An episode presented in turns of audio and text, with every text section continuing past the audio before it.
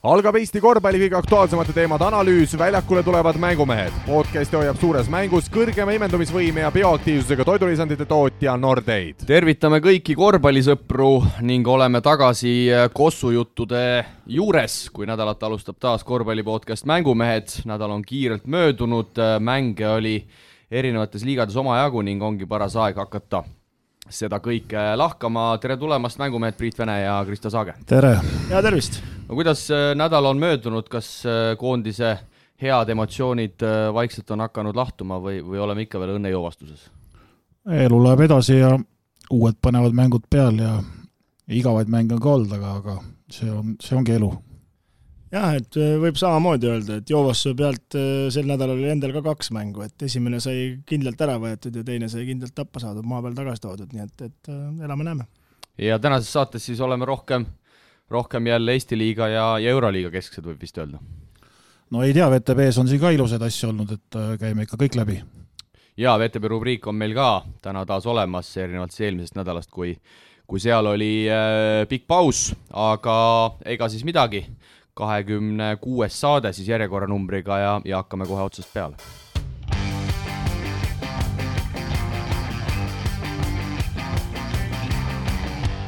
Pärast koondise viimast valikmängude akent oli kohalik liiga siis eelmisel nädalal taas täies hoos, kui mängudega alustati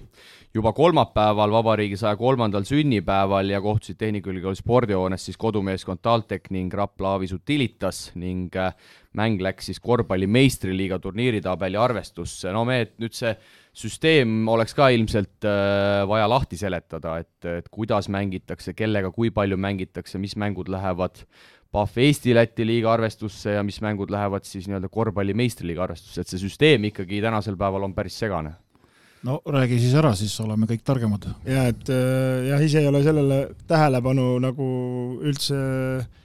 sättinud, et äh, mina ei tea, vahet ei ole, ma arvan, et äh, tabel looksub paika ja vaevalt siin lätlastega veel midagi toimetama hakkame, et tõenäoliselt paneme ainult omavahel edasi no kuus ringi siis, kõigepealt neli ringi Pahv Eesti-Läti korvpalliliiga põhiturniiril, seejärel kaks ringi Pahv korvpalli meistriliiga põhiturniiril. Ja olgu öeldud, et Kalev Cramo siis mängib äh, Eesti-Läti korvpalliliiga kolmanda ja neljanda ringi mängud, mis siis arvestatakse Pahv korvpalli meistriliiga põhiturniiri tabelis äh, topelt, ehk siis vaikselt need neli mängu omavahel hakkavad juba mängitud saama ja ja nüüd, nagu siis öeldud, äh, kolmapäeval mängisidki TalTech ja, ja Rapla siis esmakordselt korvpalli meistriliiga turniiri raames ja no Raplale kindel võit, TalTechil koosseisuga selged probleemid korvi all, jõudu vähe nüüd pärast kanguri lahkumist ja, ja ka Raadiku ja Kajupanga vigastusega seoses, et seal väga mänguks, mänguks ei läinud. no ega see noor, noor, noor pikk Matute, Matute ka ju ei liikunud, ega kui jalg on haige, ega siis on näha, et pole mõtet teda seal piinata ja ega sealt midagi head ei tulnud aga no vaatan sellele, et äh, TalTechil koosseisu probleemid, aga no ikka väga rumal korvpall oli ka, et, et kui sa võtad ikka kümnest viskest seitse, tuleb kogu aeg suvalisel hetkel täiesti valel ajal vale koha pealt, äh, no siis on igat mängu raske võita, kas sul on seal all kedagi või ei ole, et, et, et noh, võib-olla okei okay,, mõni pikk oleks mulle laua ära korjanud, aga kui palli ei liiguta, igaüks omaette proovib mingist imeasju, siis no ongi raske edu loota ja et ka põgusalt ühe silmaga siin äh, vaatasin seda mängu ja noh, ei tekkinud muidugi ühtegi tunnet, et äh, Raplal peaks seal mingi hirm olema, et äh, TalTech seal pusis küll alguses, aga, aga ei, Rapla jäi endale kindlaks, et nagu ikka, et pusib ja võtab lõpuks võidu. no Rapla pani päris vihaselt kolmeseid, kas see nüüd oli Rapla lihtsalt väga hea minek või ikkagi TalTechil jäi kaitses, jäid mingid asjad tegemata, kahekümne seitsmest üritusest neliteist korvirõngast läbi no ikkagi selles liigas, kui viskad neliteist kolmest sisse, siis on keeruline ilmselt mängu kaotada ka. Sven Kaldre siis ütleme ära kaheksast kuus oli siis parim mees selles arvestuses. no Kaldre viskas muidugi too mäng ikka väga enesekindlalt Al, alustas äh, paari päris raske viskega ja siis lõpp, äh, lõpp läks lihtsamalt, sest äh, Taldev proovis mingisugust kaitset seal aretada, aga, aga igale poole jäädi hiljaks ja no põhimõtteliselt Rapla võttis täiesti vabad visked, et et nagu noh, ei oska nagu midagi TalTechi kiituseks või öelda, et no täiesti, täiesti outmäng. nojaa, ega seal, kui saad enesekindluse kätte, et äh, Rapla on ennem ka siin kolmestega üllatanud, kuigi minu silmis nad pole ükski aasta olnud nagu eriline viskevõistkond, et rohkem niisugune kuidas öelda siis, korvi alla pressi ja nagu ülejäävad, jäänud visked, mis jäävad üle, et need panevad peale, aga aga kui sa saad alguse kindluse kätte kohe seis ka lubab, on ju, enesekindlam visata ja, ja kukuvad siis tihtipeale nende visked hakkavad sisse kukkuma. aga jääme Rapla manu ja Raplal siis oli kaks mängu sel nädalal ja võib öelda, et täiesti eriilmelised kohtumised laupäeval siis jäädi kodus alla Tarvale väga mannetu mängu tulemusena kuuskümmend viis, seitsekümmend kolm, ehk siis TalTechi vastu võõral väljakul kaheksakümmend seitse silma ja kodus Tarva vastu suudeti vaid äh, kuuskümmend viis ja ja räägitud Sven Kaldre siis äh, paugutas TalTechile kõvasti kaheksateist silma, kõik tulid kolmestest kaheksast kuus, aga Tarva vastu siis jäi mees hoopis nullile ja visked äh, kolmest nulli, et väga kõva kõikumine nüüd ühe nädala sees Raplal. no vot, laupäeval tuli päike välja ja, ja ju siis äh ei, ei sobinud see asi jah, seal Raplas, et äh, Tarvas nautis seda ilusat ilma rohkem ja ja Kaldre vist äh, padrunid said otsa eelmises mängus, et unustas laadimata vahepeal, et äh, väga kõikuv, väga kõikuv see üritus, et ei, ei saanud seekord nüüd jälle Raplast aru, et, et Rakvere oli päris isuga kallal, aga noh, Kristo teab meil Rakveresse rohkem, et tema räägib kohe lahti, mis seal siis toimub. Nojah, see on, ütleme, niisugune klassikaline Rapla-Tarva vaheline mäng, et äh, siin eelmised mängud äh, minu silmis äh, kaotas Tarvas sellepärast, et otsid seda kuksist nagu nii jõuliselt alla ja ja see mäng oli ka näha, et äh, peatreener Toomas Annukil oli selle uue Childressiga oli väike sõnavahetus seal ja kaamerapildist oli kuulda, et, et, et mees hakkas seal läbi minema, kaotas palli ära, et, et kuhu sa lähed, et anna korvi alla pall, et tihtipeale, kui see nagu vägisi toppimiseks läheb, et ja sealt nagu ei lahendatud ära ka, et siis Tarvas nõelas hästi ja tegi seda oma elementi, mis nad kõige paremini oskavad, et viskavad sisse ja nii lihtne see ongi. aga võib vist mehed öelda, et kuna mängitakse kuus korda omavahel läbi, siis äh, see mänguks valmisolek on ikkagi ülimalt oluline ja ja nagu Annuk pärast mängu ka põgusalt ütles, et äh, tegelikult mingil määral tundub, et ikkagi Tarvast alahinnati, sest et viimased kaks mängu Rakveres äh, võeti ära no ma ei tea jah, sa pead ikkagi puruloll olema selles mõttes äh, Rapla poole pealt, kui sa nagu arvad, et, et laseme Alleril peale visata, et äkki ei viska sisse, no kui sa ju näed, et kui sa seal Tarva meestele annad selle enesekindluse kätte, siis nad, okei okay,, seal mingitel hetkedel oli õnne ka, et mäng oli suht tasavägine ikkagi, aga, aga ma siin alla, alahindamisest nagu suhteliselt keeruline, et sa ju püüad äh, vastasvõistkonna tugevamaid trumpe ära võtta, aga, aga sa lased ikkagi seda teha, et äh, Aller äh, viskas vabalt suhteliselt palju peale minu silmis ja, ja Kluditis ka ikkagi äh, tegi teravust ja, ja toimetas nii, nagu ise tahtis, et tal mingit erilist survet ei olnud. no mis muidugi Rakvere mängus silma torkas, oli see, et, et äh, et üks Läti püss oli läinud ja, ja pall liikus natukene paremini ja osad mehed, kes võib-olla eelmistes mängudes seda palli, kaasa arvatud Haller, nii palju ei saanud, siis seekord nagu oli see vana joonis jälle paigas ja minu arust see toimis nagu paremini, kuigi noh, ütleme, et ega siis siin võeti mõned võidud ju ikkagi ka ennem ära, aga, aga aga, aga seekord oli kuidagi nende pilt oli jah, nagu ilusam, et ja otsisid nagu rahulikult ja toimetasid ja Isuga oli kaitses ka ja polnud midagi öelda, et äh, Tormi Niitse ei peaks kolmesid virutama, selle asemel võiks kolm korda rohkem läbi murda ja tuleb kümme korda rohkem kasu. jah, no selles mõttes oli Rapla hästi teinud nagu selles mõttes scouting'u, et ainuke mees, keda võib vabaks jätta, on Tormi, et äh, seal peab ta kõvasti juurde panema ja ka ta viskamata ka jätta, et noh, paar tükki olid seal muidugi viimasel sekundil ka, aga ära ei kukkunud, aga aga minul, mis veel Tarva juures nagu silma jääb, et kui nad saavad nagu kaitses pidama, siis nad saavad ka hästi jooksma, siis neil tuleb neid olukordi ja, ja siis nad üldjuhul viskavad neid sisse ka ja siis nad on nagu omas rütmis nagu, et eile nagu täpselt oligi, et Rapla viskas kuuskümmend viis punkti, noh, ma ei tea, kas see on Tarva hea kaitse või on see Rapla, Rapla nagu kehv rünnak, aga, aga nii kui nad saavad kaitses pidama, siis on nad väga ohtlikud. Aga räägime siis selle ka ära. Kõik võib-olla nii tihedalt seda kodust liigat ei jälgi, et äh, Rias Kuksik siis on lahkunud Ogre meeskonda, nii pikaks see või lühikeseks see sett seal Tarvas jäigi ja ja esimeses mängus kohe siis äh, Leepaja vastu kahekümne kolme minutiga kakskümmend kuus silma, visked kolmeteistkümnest kaheksa, viis lauda ka sinna lisaks, aga, aga nagu siin juba enne mainisite ja mainisime ka eelmises saates, siis äh, see pall ikkagi jäi Tarval seisma kõvasti ja Kuksiks ilmselt tahtis ise numbreid teha ja ilmselt ka Umbrasko surus seda palli sinna päris palju. No nüüd jääb Kuksikese poolt loota, et äh, kas teises mängus tuleb punkte või ei tule, et Rakveres oli esimene mäng ju ka väga ilus ja siis hakkas vajuma, et et kui Ogres sama graafikuga läheb, siis on, äh, varsti võib uuesti satsi veel vahetada, iga, igal pool esimene mäng tuleb hästi välja. varsti on Leepajas siis, et Leepajale koputas kakskümmend kuus ja on kohe Leepajas, et aga selle Kuksikese juurde tagasi tulles, et me minu arust seda Raplaga mängu, kus tal esimene debüütmäng oli, ka kommenteerisime koos ja no seal ta ju ikkagi võttis väga raskeid viskeid ja viskas need sisse, et seal ei ole midagi teha, et ei ole ka kaitsele ette heita, aga aga teine Rapla mäng, äh, vaatasin ka seda, mis oli Rakveres ja no seal oli juba Umbrasko minu arust palju selles mõttes ämbrisse, et hakati nagu jõuga alla otsima talle ja selle ruudu vastu ja noh, ta viskas selle mingi suvalise ühe jala pealt, viskeid kedagi lauas polnud ja see tegelikult selle mängu ära lõhkuski pärast vabariigi aastapäeva, kahekümne viiendal veebruaril kohtusid siis Tallinnas Kalev Cramo ja Tartu, no Cramo tegemiste juurde tuleme VTB rubriigis, aga aga Tartule ikkagi kindel kaotus, kõik veerandajad saadi tappa, lõpuks siis viiskümmend neli, üheksakümmend kuus, et mida sellest mängust ja kas üldse järeldada? no kaks legionäri viskavad kahe peale ühe punkti, no et see on, ma arvan, maailmarekord ei ole, et ma arvan, maailmarekord on null. et, et kui kui leedukas ja, ja, ja ja siis Kalevist tulnud mees Vembi. sellist taset näitavad edaspidi ka, siis, siis on Tartul ükskõik kellega raske. et ega seal mängus muidugi jõu vastu ei saa, võiks öelda, aga, aga niisugust rannamees Rotti laksamist ka nagu ei oleks oodanud, et seda mängu muidugi ise ei näinud, aga, aga tundus, et suhteliselt kergelt nagu tuli see Graamo poistele. ja Tallinna Kalevi mäng siis jäeti ära laupäeval Äh, telemäng pidi olema Tallinna Kalev Pärnu, aga väikses Kalevis ka siis nüüd koroona sees. Ja tundub, et siin ka selle nädala mängud on, on ilmselt siis ära jäämas, kuna nagu Terviseamet ette näeb, siis kümme päeva tõenäoliselt tuleb ikkagi kodus istuda neil meestel, kes on siis positiivsega kokku puutunud. nii on, jah.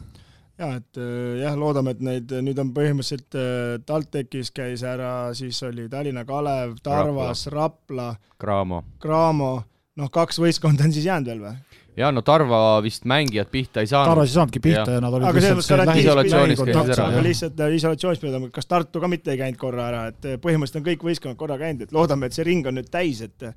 et kui neid veel kaks-kolm, kaks korda või ühe korraga peaks tulema, et siis tõesti jaanipäeval mängime seda Eesti kätte finaali aga tuli siis noh, kui suur uudis, aga see, mida me siin eelmine saade arutasime, et kas Kristjan Kangur jätkab karjääri kõrgemas, kõrgemas liigas siis Pärnusse, mida, mida arvata? no paberite peal teda veel üles antud polnud enne seda laupäevast mängu, et suusõnaline kokkulepe jah, et, et eks siis, kui paberil peal on allkirjad, siis saab nagu tõsisemalt rääkida, aga eks ta selline natukene loogiline käik oli ja, ja ja ega Pärnu tast võib-olla nüüd ei oota nüüd mingisugust neljakümmet minutit, aga nagu, nagu Juhan Kärp ka intervjuus ütles, et äh, igal pool mujal ja miks me rääkisime kanguri rollist ka näiteks koondise tasemel, et, et võib-olla riideruumis on mõned asjad vaja paika panna ja mõnele noorele, nooremale eeskujuks äh, nii trennis kui väljaspool trenni, et äh, selle koha pealt ei ole kanguril nagu midagi ette heita, töösse suhtumine on tal väga korralik ja ja võib-olla utsitab mõne noore üles ja, ja järgmiseks hooajaks, kui Pärnu tahab minna Eurosse mängima, siis see on ju alati väga teretulnud. jaa, et Kanguri, ma arvan, plussiks, mis äh, saaks Pärnu võistkonnas olla, on see, et trenni kvaliteet tõuseb ja Plausil on ikkagi korralik keha kogu aeg selja taga ja ta ikkagi peab hakkama nüüd vaeva nägema, et kui ta no ma muidugi ei tea, aga ma lihtsalt nagu ise mõtlen, et äh, ega seda Karl-Martin Kaski on tal ikka suhteliselt lihtne loputada seal trennis, et äh, viilib kergelt läbi, aga nüüd on hoopis teised asjad, et vaatame, kuidas see mõjub, et see sisemine konkurents seal Pärnu võistkonnal. no siin hooaja jooksul on käinud läbi ka kõlakad, et Pärnu mingil hetkel on tahtnud Plausist äh, vabaneda, et äh, et äh, ka selles osas võib veel mingeid muudatusi tulla või te pigem arvate, et ikkagi jätkatakse sama eesliiniga? No ma ei usu, et siin tuleb, sest et nagu me teame, praegu, siis praegu see oleks rumal käik, ma arvan. no see oleks ikka täis rumalus, sest et nagu me teame, esimene märts on registreerimise lõpp ja kaksteist märts siis saab veel, kuni kaksteist märts saab ühe mehe veel lisada, et niisugust äh, käiku oleks pidanud tegema, siis see jutt, mis meie kõrvu on korra siin kõlanud, oli jaanuarikuu kandis, et äh, siis oleks pidanud see juba, juba käik juba ära tegema, et kui vaadata, kuidas ja mis meeskonda edasi panna, et see oleks hetkel ikka väga rumal käik, aga siin üleminekutest ju veel kõlakaid, et Gluditis pidi Gramosse liikuma, saame näha, kas liigub. Jah, sellest, selle juurde tuleme VTV rubriigis ilmselt veidi pikemalt, kui arutame Kalev Cramo teemasid, aga nagu Kristo mainis, siis esimesel märtsil kell viis läheb siis registreerimine lukku ja pärast seda kuni kaheteistkümnenda märtsini reede samuti kella viieni saab siis ühe mehe veel Pahvliigas, Pahvliigas lisada, aga, aga sel nädalal ka Äh, riburada pidi mänge, näis, kas Tallinna Kalevi mängud toimuvad, igatahes kolmapäeval siis Tartu ja Rakvere tulevad juba korvpalli meistriliiga raames äh, Tartus väljakule, neljapäeval Cramo Pärnu, reedel Tarvas TalTech ja laupäeval siis äh, telemäng Pärnus, Pärnu Sadam on võõrustamas samuti Tartut, nii et see mei-, see märtsikuu mehed saab ikkagi ol-, olema päris karm võistkondadele siin, siin kohati isegi mõnel satsil on sellised nädalad, kus on kolm mängu korraga. no Kalevil või Cramol, ütleme siis, on ju mänge ju järgi mängida. see on punkt üks. nüüd Kalev paneb, Väike-Kalev paneb kümnepäevase puhkepausi. Äh, Need jääb, mängud on ka vaja kuskile Nendel jääb kolmekümne päeva sisse kuskil, ma arvan, mingisugune äkki viisteist mängu või? kõigi eelduste järgi, nii et äh, ma ei tea, palju nad mehi jõuavad siin veel juurde võtta endale, et, et kaks on, kaks on nimede järgi nagu võetud, kas nad kohal on või ei ole, ei tea. Aga, aga, aga nendel tuleb ikka päris karm graafik ja kui siin keegi nüüd peaks veel libastuma, no siis äh, läheb sellel,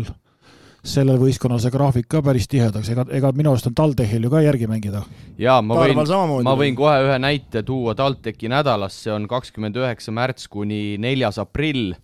teisipäeval võõrsil Rapla, neljapäeval võõrsil Cramo ja pühapäeval võõrsil Tartu ehk siis äh, mängitakse ühel nädalal teisipäeval, neljapäeval, pühapäeval kolm mängu. ja, ja kui arvestada viimast mängu, kus äh, enamus mehi on katki ja probleemid koosseisuga, siis see saab ikkagi väga karm katsumus olema, et äh, kui ma ei eksi, siis Tarvas kas Craamoga on ainult korra mänginud, neil on ka kõik mängud ära jäänud ja seal ikkagi seda on, et ma ei ütleks, et see märts tihe tuleb, ma ütlen, see hooaja lõpp tuleb üldse tihe, et ega siin neid mänge siin lükatakse, tõstetakse ja kuidas kellelegi sobib, et siin on ikkagi karm graafik tulemas meestel. no siin on mõnel võistkonnal on hea asi see, et, et saad mängudega ennast võib-olla, võib-olla päris heasse vormi viia siin enne play-off'e veel, et, et on ju aega nagu katsetada ja jäl-, toimetada ja eksimisruumi on ka kõikidel võistkondadel üsna palju jäetud, et noh, kui see play-off'i saamine on nii lihtsaks tehtud, siis siin annab ju igasuguseid asju nuputada ja ja, ja meil jääb ainult loota, et võib-olla need play-off'id tulevad siis vähe, vähe vihasemad ja ei kõigu nii palju. jaa, et ma arvan ka, et äh, kolmas kuni kuues koht on siin äh, natukene mängimisruumi, aga ei ta-, tasu unustada ka Tallinna Kalevit, et kes kindlasti ei taha seitsmenda kohaga leppida, et tahab sammu kõrgemale teha, et tema võiks olla kõige vihasemalt peal nendel mängudel ei ole siin küll täpsemalt siseinfot uurinud, aga mulle tundub küll, et see, see Pahv Eesti-Läti liiga Final Six, Final Four, mis siin teha tahetakse, see vist kipub küll ära jääma. no hetkel ei paista jah, et siin mingit leebumist tuleb, et äh, Läti pole ju järgi andnud seal oma, oma nendes äh, piirangutes, piirangutes ja, ja ei, ei paista ka, et annab ja meil ka pildikene üsna kehva siin ja räägitakse, et äh, tuleb vähe kontakte võtta, nii et et loodame, et kõik jäävad vähemalt ellu ja need mängud ära mängitakse, et okei okay,, isegi kui see Läti liiga ei toimu, et saaks omad asjad aetud, et ei jääks jälle nii nagu eelmine aasta, et kõik võist-, võistlused jäävad pooleli. ja ma olen ka pigem seda meelt, et teeme siin äh, Eestimaal need asjad ära ja see Lätiga las siis võistleme järgmine aasta, et äh, kui olukord paremaks läheb, et äh, pole mõtet siin nui neljaks siin mingit tsirkust korraldada. Saame näha, selleks korraks Eesti-Läti liigaga kõik, asume Euroliiga eelmise nädala mängude juurde korvpalli Euroliiga kuumimad teemad aitab mängumeestel teieni tuua Eesti Kütusepank, Terminal Oil. pärast eelmist nädalat siis Euroliigas jääb meil mängida veel kaheksa vooru, kui põhiturniir peaks lõppema üheksandal aprillil ehk sisuliselt viimane kuu Euroliiga põhiturniiril on käima minemas nüüd märtsikuuga. ja Euroliiga nädal algas siis juba esmaspäeval, kui Venemaa suuruselt teises linnas Peterburis mängisid ära jäänud kohtumise tagantjärele kohalik seniit ja Milano olümpia ja kokkuvõttes siis pusiti lõpuni välja, sest et seal ikkagi aeti seda kahe mängu punktiskoori ka taga ja kuna seniit selle mängu kodus üheksaga võitis, siis jäädi omavahel kolmega plussi ja see võib tegelikult hooaja lõpus äh, maksma hakata küll. no vaat see väga ei maksa, sellepärast et järgmise mängu seniit sai kohe hirmsa nätaka Valencia käest, et kõik need punktid lendasid vastu taevast, et äh, see oleks maksnud siis, kui Valencia oleks ka maha löödud ei, aga mine sa tea, võib-olla hooaja no, lõpuks jaa, jäävad ei, ühele pulgale. muidugi, absoluutselt võib olla no., ega, ega Milano võib ka ju paar, paar nähvakat saada ja ja noh, kui me nägime, siis see nädal oli üldse ju nätakate nädal, et äh, siin, siin on niisugused, niisugused seisud ja tulemused, mida ei anna, ei oleks keegi arvanud, et niisugused asjad tulevad. ja teine ära jäänud mäng siis mängiti teisipäeval, kui Kaunas ja Žalgiris äh, koduväljakul sai võidureele tagasi seitsekümmend viis, kuuskümmend kaks, alistati Zverna Zvezda, aga no Zvezda hetkel ikkagi võitleb täielikult äh, riismetega, Quino Colom, Langston Hall, Nocco kõik seal, O'Brien läks Türk Telekomi ja, ja see, mis ta nüüd ongi, Cory Walden oli ka äh, Leedus kohal, aga mängida ikkagi ei saanud pärast koroona läbipõdemist, et äh, ütleme, et Zvezda vastu mängud, kõikidel on ikka selline kohustuslik võit. No päris nii ei saa öelda, et võib-olla siin lõpupoole jälle kosuvad ja hammustavad mõne koduse ära, et, et ega Salgese jaoks oli see elutähtis mäng, et äh, kodus võita neid, äh, see vahele jäänud mäng ja, ja sellega nad said hakkama ja tõusid sinna kaheksanda koha, ütleme ikkagi piiri alla täitsa. aga ka nendel järgmine mäng läks ju täiesti metsa, me just siin eelmine saade rääkisime, et kas Reali vastu on šanssu ja aega, aega nagu valmistuda, aga tegelikult ütleme nii, et Real sõi nad ikka päris korralikult ära, et ja, ja noh, sealt tuli maailmarekord ei tulnud, aga Euroliiga rekord tuli küll, et Real mängis mängu ära, nii et ühtegi vabakat ei teinud. no, ka... see näitab Žalgirise kaitset, et noh, ma ei tea. Tahtsingi just sinu käest küsida, et või teie käest, et mida see siis näitab, et kas see näitab Žalgirise kaitset või, või ütleme siis Reali vähest aktiivsust, et pigem mitte, kui Real võidab, eks? ei no pigem mitte muidugi, no ikkagi Real viskas okei okay,, seitsekümmend silma küll, aga no tee siis mõni viga, nii et, et saada joone peale, äkki eksib, saad mängu pöörde tuua, aga see oli kuidagi ma ei tea, mis kokkulepped seal olid, aga noh, väga naljakas oli. no üldse selline korralik äh, no anti, antikorvpall ei taha öelda, aga jah, Kristo ütles õigesti, et selline mudamaadlus, et ei olnud kõige, kõige kaunim korvpall seal äh, Madridis, äh, seis jäi siis seitsekümmend, viiskümmend kaheksa, et Žalgiris oli taas punktide viskamisega ikkagi tõelises hädas ja vanameister Jan Kunas no, oli seal kolmeteistkümne jaa, aga no võtame siin ükskord, kunagi ammu Kristo küsis, et kas Gabriel Tekk on NBA materjal näiteks, ütleme noh. Näed, jalad maas, viskas sisse lops ja lops, kaitset ikka peal pole, mees ei teinud mitte ühtegi hüppeliigutust ka, lihtsalt seisab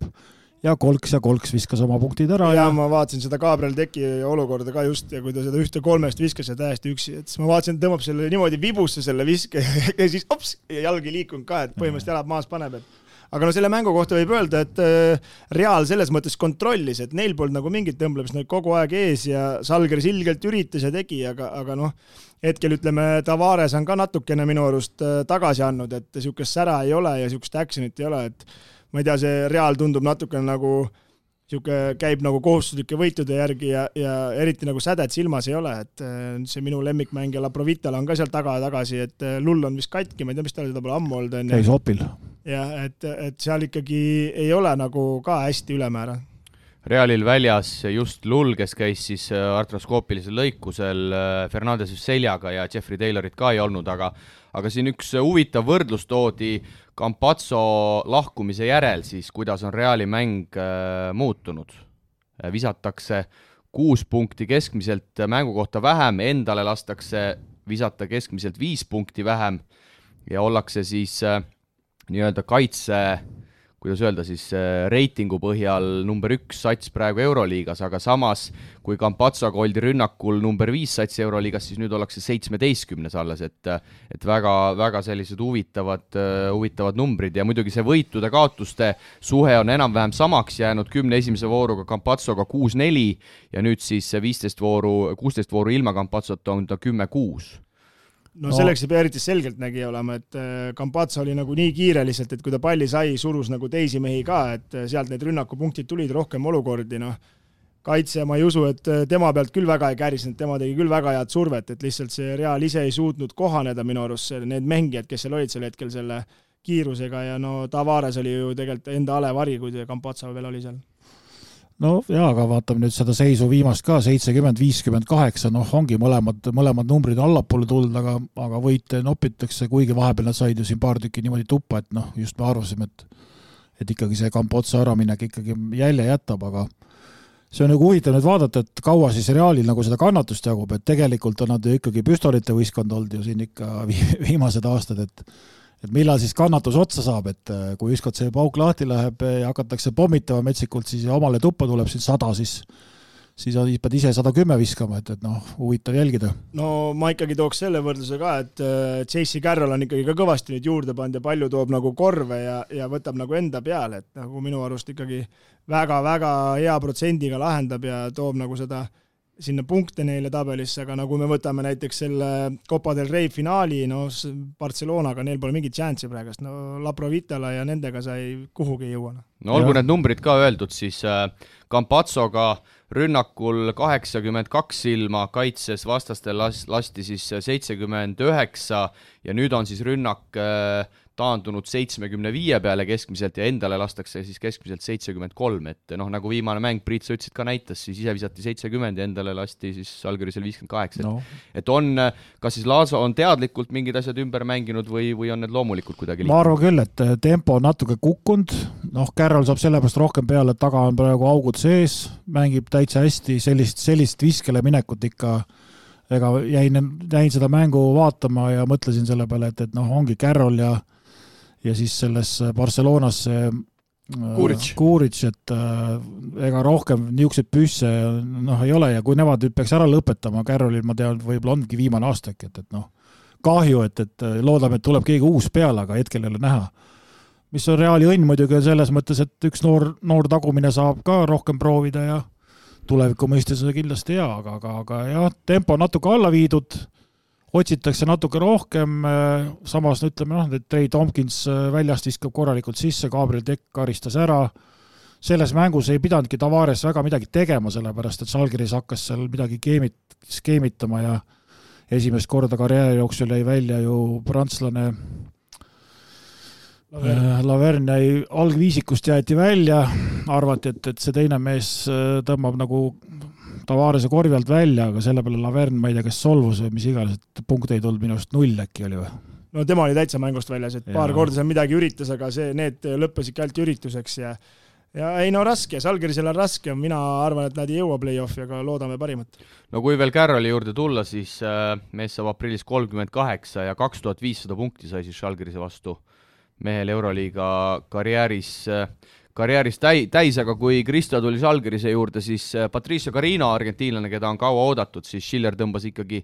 hoo maha, et võib-olla alates maikuust on seda meest väljakul oodata, et poolteist aastat on ta väljas olnud korvpalliväljakult, pidi küll seal mingeid asju juba kaasa tegema trennis üks-ühele, kaks-kahele, aga nagu Schiller ka ütles, et üks asi on põlvevigastus, teine asi on see, et ta on poolteist aastat korvpalliväljakult eemal olnud. no seda me näeme praegu ju selle vist Vastuuria pealt ka, et äh, Kristo sõber, et, et, et üks mäng sai kuus sekundit, kohe tuli tuppa ja rohkem ei pandud.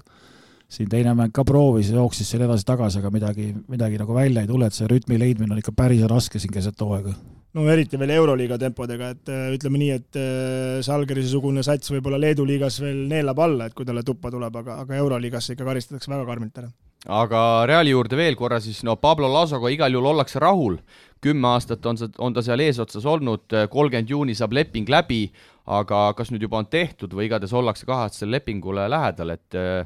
viis Hispaania tiitlit, kuus Hispaania karikat, kaks Euroliiga võitu ja, ja kolmekümne kaheksal turniiril, mis ta on juhendanud, Reali on siis kakskümmend kaheksa korda jõutud finaali, et tegelikult numbrid räägivad enda eest. jaa, numbrid räägivad enda eest, aga, aga eks, eks seal, eks seal eks seal natuke põlemise märke on tegelikult näha, et, et äh, Sats on ju tegelikult ikkagi natukene järgi andnud, see nätakas, mis saadi Barcelona käest seal karikafinaalis, see, ma arvan, läheb Realile väga korda, et äh, see oli nii kehv tulemus. ja see lepingu pakkumine võib olla nüüd selline asi, mis peaks nagu stimuleerima, ütleme, Plaasat äh, või Pablo Lasot, vabandust, nagu võistkonda motiveerima ja kokku võtma, aga kas sellest jagub, ei tea, et, et noh, kui siin võib juhtuda see, et teed lepingu ära ja sa ei saa näiteks hispaaniakatel poolfinaali või, või ei saa finaali, siis äh, saab see leping varem läbi lihtsalt ikkagi uuesti jälle, noh et et äh, noh, ei tea, see on jah, nende nagu sisemure, aga aga niisugused jutud on olnud jah, et, et leping on praktiliselt ette valmistatud ja kokku lepitud ja et kohe-kohe peaks nagu alla kirjutama, et eks paistab. no ma arvan, mul on niisugune sisetunne, et ega sinna pole nagu kedagi panna ka, et kui oleks mingi hea valik, nad kindlasti prooviks kellegiga, aga, aga ega see treenerite turul nagu ei ole ka nii palju seda Reali-suguse võistkonna jaoks, ütleme, materjali, et noh, ma ei kujuta ette, keda sa näeksid seal, et no selge on see, et Realil raskem läheb ja närvilisemaks asi läheb, sest et Barcelonas ikkagi Jassikajevitsuse tulemisega on ju kõvad ikkagi muutused olnud ja nemad tahavad tiitleid saada ja no Jaska tahab ka tiitleid saada ja no Pau Gasol ka nüüd veel lisaks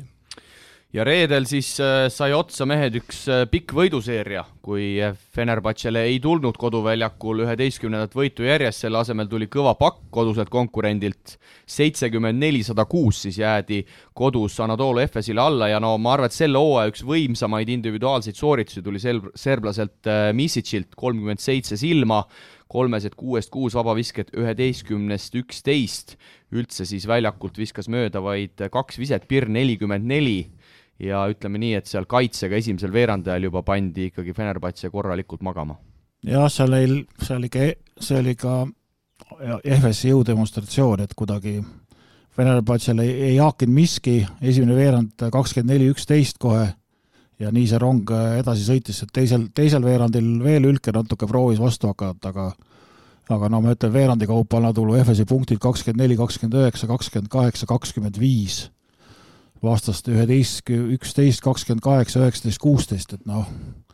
siin numbrid räägivad enda eest. no ütleme nii, et siin oli see vana hea FS tagasi, kes eelmine aasta koroona pärast Covid-19 pärast seisma pandi, et äh, tagaliin äh, nõelas väga teravalt ja ülejäänud panid ka kõik ära, et äh, mis San, San Lee või mis mees see oli, no see vajutas seal ka kõik kotti, et ma ei tea, vahepeal seal oli viiest viis visked ja see, noh, siin ei ole midagi teha, et see on lihtsalt ähm, Türgi derbi ja üks oli sada protsenti valmis ja teine võib-olla natuke rahulolus. ja hakka või uskuma, et äh, kui Ataman siin mõni voor tagasi ütles, et pärast seda suurt võitu olümpiaakose üle, et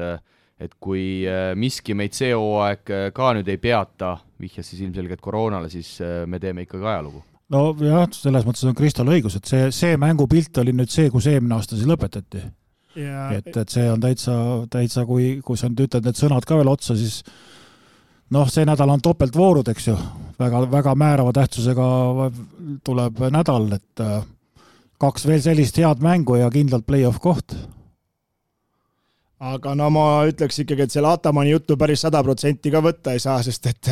see Ataman on natukene nagu meil see padarumees, et see lihtsalt lahmib ja, ja, ja tihtipeale läheb muidugi täppi ka, aga siis, kui ei lähe täppi, siis keegi, keegi seda ei mäleta. aga nagu me rääkisime sellest Fenerbahce kolmikust, Dekolo Veseli tegid omad jutud ära, aga ütleme nii, et äh, serbide vastasseisus Kuduric versus Misic siis ikkagi läks selgelt äh, FS-i mehe poole, Kuduric jäi kahekümne ühe minutiga nelja punkti peale ja vaid üks resultatiivne sööt, neli palli kaotust. ja Kuduricit seekord ei olnud, aga seal oligi häda selles, et tagant tegelikult söödi, söödi üsna ära ja see mäng läks kuidagi närviliseks ja ega see palju Ülkeril ei liikunud ja, ja, ja noh, see Kodurits ei ole selline mees, kes nüüd ise võtab, ise korraldama hakkab, et ta tahab ikkagi saada ja saada ja peale visata, aga seekord nagu jah, see, seda, seda, selle pildini ei jõutudki. Ja ütleme, et seal see viimased mängud, mis Venerbatsi võitu on toonud, on see kolmik Veseli, Dekolo ja Kudurits, eks, üks mees oli puudu ja no Dekolo tegi oma mängu ära, aga siin ikkagi, kui sa tahad EFS-ile vastu saada, siis ikkagi peab olema rohkem mehi kui ainult kaks no tuleme mängunädala viimase kohtumise juurde ka, ma usun, et reede hilisõhtul olite vast teleka ees, no mida teeb Asvel esiteks, võetakse siis mõlemad mängud sel hooajal Barcelona vastu ära, nüüd siis juba võõral väljakul kuues võit Parkeri venna juhtimisel järjest. Ja, ja ütleme nii, et äh, vaatasin seda mängu ka algusest lõpuni ja päris äh, muljetavaldavalt praegu prantslased mängivad. jaa, no väga-väga jõuline korvpall, tundub, et Barcelona nagu äh, ei, ei armasta sellist hirmsat kontakti, et nad tahavad natuke kergemalt saada ja võib-olla mõnes mängus neil kodumaal antakse viledega ka niisugune, et, et noh, keegi Mirotitšist puudub, kohe käib kõll ära ja kohe vabakad ja asjad. prantslastel oli sellest või Prantsuse võistkonnal, kes nii iganes nad seal ei ole, nendel oli täitsa ükskõik, need panid oma asja ja, ja rammisid jõuga ja, ja no ma räägin, nad panevad nagu omapärast stiili ja ja no mis me ütleme, kuuskümmend üheksa silma Barcelona kodus, noh, ei ole ju midagi halba, et väga äget, et et äh, palju see Ülker järjest võitis, kümme või? kümme, just. noh, neli on jäänud veel. et äh, ma jah, et ma siin äh, vaidleks Priidule natuke vastu, et Barcelona ei armasta, minu arust Barcelona tahab ise seda peale suruda alati teistele võistkondadele ja sama relvaga nagu kaitsest tuldi vastu ja ja siis äh, nagu kohkusid ära ja nagu ei õnnestunud ka siin, ütleme, Corey Higgins ei saanud, no Mirotis tegi oma punktid ikka ära, aga, aga, aga siin võistkondlikult ikkagi Asvel ongi, et kui ta võidab, siis ta mängib võistkond, neil tuleb igalt poolt ja see Mustafa Fall oli ka jälle tagasi mängus, et vahepeal see oli kadunud, et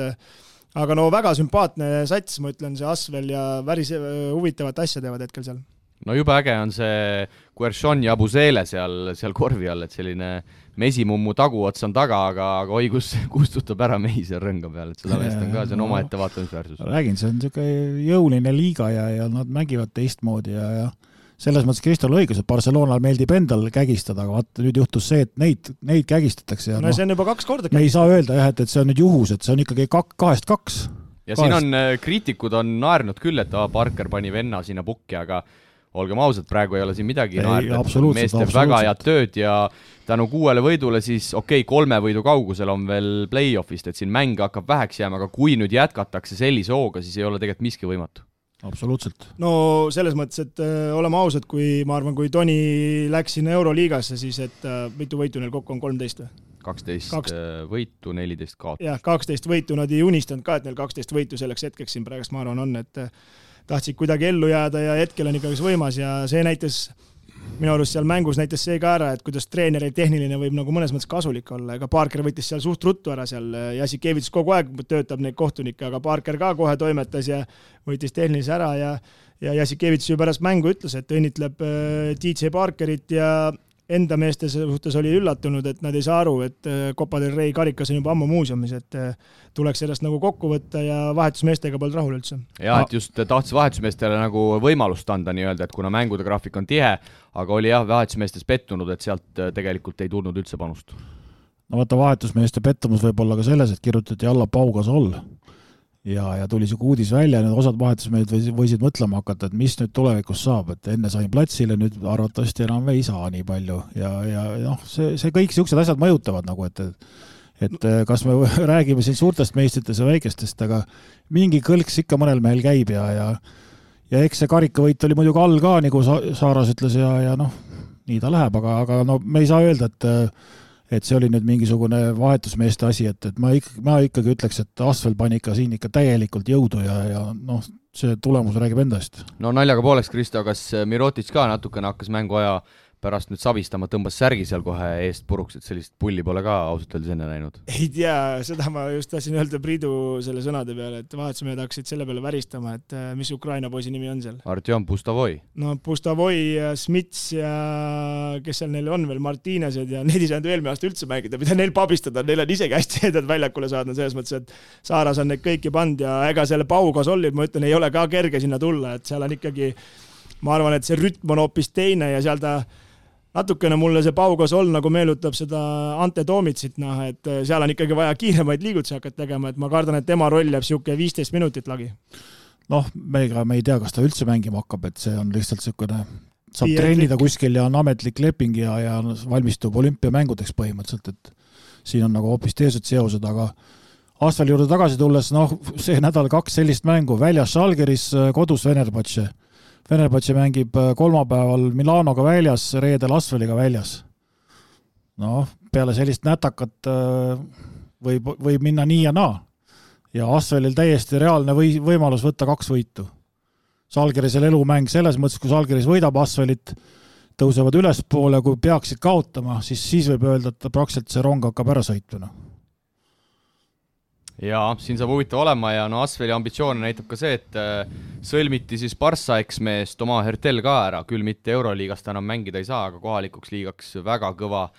kõva täiendus, et siin äh, Tony Parker isiklikult ka võttis meedias sõna, et Hertel tuli palga osas vägagi vastu ja et see näitab ka nii-öelda klubi kohta nii mõndagi, et ikkagi tahetakse sinna klubisse mängima tulla. noh, see on sama teema, et tuli palgas vastu, tegelikult intervjuu või nendes artiklites ja arutelus on olnud, et ka aitavad valmistada teda olümpiavalikturniiriks ette, et äh, koondise, koondise meestel on vaja kuskil olla ja, ja eks väike mõte käib ju ikkagi Asvelil peast läbi, et koduliiga on vaja ikkagi maha lüüa, et, et kui me siin mõned saated tagasi rääkisime, et Parker tegeleb siin Saudide raha otsimisega ja selle klubi suurendamisega, siis noh, seda enam on vaja näidata, et me oleme koduliigas esimesed ja proovime Euroliigas nagu kõvasti panna, et, et äh, minu arust nendel on ka see üks wildcardi koht ostetud kaheks aastaks äkki said või? Et seal on nagu ettevalmistuse aega veel teha ja, ja, ja mine tea, võib-olla Örtel on järgmine aasta Asvelis ja mängib suurema raha eest ja põrutab Euroliigat. tahtsin seda öelda, et ma, ma eeldan ka, et siin on ikkagi samm ette mõeldud, mitte nagu lihtsalt seda hooaega silmas pidades, vaid et nüüd on mehel aeg tõestada ja toimetab ja Prantsuse kutt ja no tõenäoliselt ta järgmine aasta seal mängib ja, ja no hetkel on igatahes täkkesse läinud, et Saudide juures hea läbirääkimisi käib, kaksteist võitu taskus on no te juba Gasoli juurde korra tulite, kui ma mainisin, et Patricio Carino ei ole poolteist aastat mänginud, siis äh, Pau Gasoli viimane mäng oli kaks tuhat üheksateist märts. et nelikümmend eluaastat, siin kõik suurelt äh, bravuuritsevad, aga nagu, nagu te mainisite ka, et äh, mine sa tea, kas ta üldse mängibki sel hooajal Barca eest, et see ei ole kõik päris nii, päris nii lihtne. ei ole, ei ole jaa, siin on, siin vaadatakse ka natuke teisi asju kaugemale, et, et noh, au Barssale selles mõttes, et nende oma, oma klubi mees, noh, legend on ta juba nagunii, võiks raamatu kirjutada, filmi teha, ausama panna, eks ju, aga, aga noh, praegu käib kogu mäng selle peale, et mees vormi saada olümpiaasjaks, et ta tahab ilusti olümpia, olümpia-ajalugu ka lõpetada, et mine tea, mis seal võib juhtuda. No ja tõenäoliselt siin ikkagi niisuguste nimedega käivad ka rahad kaasas, et siin mõni sponsor või mida iganes tuleb juurde sellega, et rohkem pilti sattuda ja see on niisugune tipp-topp käik, ma arvan, et äh, kas tast kasu on, selle me saame hiljem teada.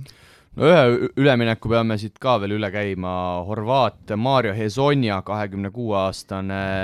läks siis Panathinaikosesse ja Barcelonal tegelikult oli ka võimalus teda võtta NBA-st, Portlandis ta siis sel hooajal mängis neli koma kaheksa punkti, kolm koma viis lauda kuueteistkümne minutiga, aga Hezonja siis äh, eelistas Panathinaikost millegipärast ja no vaatasin videot ka, mis vastuvõtt ootas meest äh, Kreeka lennujaamas ees, noh, see kananaha tõi ikka kihule, arvestades, et seal OAK-l on, on tühjus sel hooajal valitsenud. no Barssal võib-olla ei olnud nii väga vaja, ütleme, Panathinaikos, ma arvan, peab hambad ristis äh, natuke ridu tugevdama, et kodumaal vähemalt midagi ära võita, et Euroliiga rong on läinud, noh, viimaseks ei tahetaks muidu jääda ma ei tea, kui pika lepingu ta tegi. Äh, üks pluss üks. noh, see võib tähendada seda, et et Hesonia mängib seal kevadini, enne on järgmine aasta ikka Barcelonas, et äh, see ei ole mingi näitaja. no mees oli igatahes väga pöördes seal väljaütlemistes, et ta on alati Barca, Panathinaikost hinnanud ja et fännid ja kõik jutud, aga noh, eks see käib businessi no, juurde. rumal oleks ka minna satsi mängima, ütelda, et mulle üldse ei meeldi see võistkond, et, et, et tänas seal, tänas seal Barcelonat ette-taha, et, et lasti tal Panathinaikosesse minna, aga tegelikult no, vaat, on kõva mängumees, viis see... aastat NBA-s, aga pole võib-olla vähe juttu, väga juttu temast äh, nagu tehtud. ma tahtsingi selle lause juurde jõuda, et ta tänas seal Barcelonat ette ja taha tegelikult, et see, see on üks väike niisugune märk, mis võib näidata, et järgmine aasta tänab veel rohkem ja on tagasi. et aga siin minusugusel korvpallikurul ikkagi eh, Olümpia Milano on ka Facebookis ja nemad said ka uue mehe. Jeremy Evans. noh, NBA-st tuli, ma vaatasin highlights'id üle, mis tuli Olümpia Milano pani lehele, et tänu Kristjan Kangurile mul see on seal, käib muudkui, aga et eh, vanast ajast, aga jah, et see ka ikkagi ütleme nii, nagu Priit ütles, et, et isu tõuseb, et need ka, ka võtsid NBA-s poisina. ja, ja seal Bayern võttis veel David Krameri, kahekümne nelja aastase sakslase, kes siis oli NBA äh, G-liigis äh, sel hooajal, nii et siin nii mõnedki meeskonnad äh, ridasid tugevdasid, aga vaatame siia lõppu mehed ühe mängu veel üle, olümpiaakost CSKA olümpiaakosele siis seitsmes kaotus järjest, ma ütleks, et nende play-off rong on läinud, miinus kakskümmend viis olid juba ühel hetkel ja olümpiaakos tuli tuli mängu tagasi ja, ja seal ikkagi CSKA oli väga suures hädas, et see mäng ära võita ja sisuliselt aitas neid Spanuli see rumal tegutsemine viimases kaitses, kui tegi Jamesi vastu seal kolmesajaga vea ja see sisuliselt otsustas. see on karm jah, siin ikka Vene, Vene, Vene analüütikud siin ikka ka vaatavad, et millal see uudis siis nüüd lõpuks vabaks lastakse, et nüüd sellel, sellel mängul oli juba lõpuks oli Vatutin ka püsti ja, ja praktiliselt oli valmis ise juhendama hakkama, et eemalt, et et ei tea, ei tea, seal ei ole, ei ole nagu see sisemine, sisemine pilt ei ole nagu korras ja, ja noh, kritiseeritakse siin uudiste igatpidi, et kõigepealt äh, vahetuste virvarr, siis äh, time-out'id valel ajal, kogu aeg ajab mingisugust valet juttu selle koha peal, et tegeleda mängijatega, tegeleda võistkonna asjaga, kogu aeg käib, räägib kohtunikega ja, ja no kõik, kõik muud mured on nagu palju suuremad kui see võistkonna värk ja ju ta siis ei kontrolli seda võistkonda ja siis ta ei julge võib-olla midagi öelda ja noh, sellised, sellised äh, analüüsid nagu on toimunud ja, ja see on reaalne elu. ja et seda ainuke meeldiv üllatus, mis seal oli, et äh, Ife poiss tuli tegelikult päris hästi Euroliigas peale ja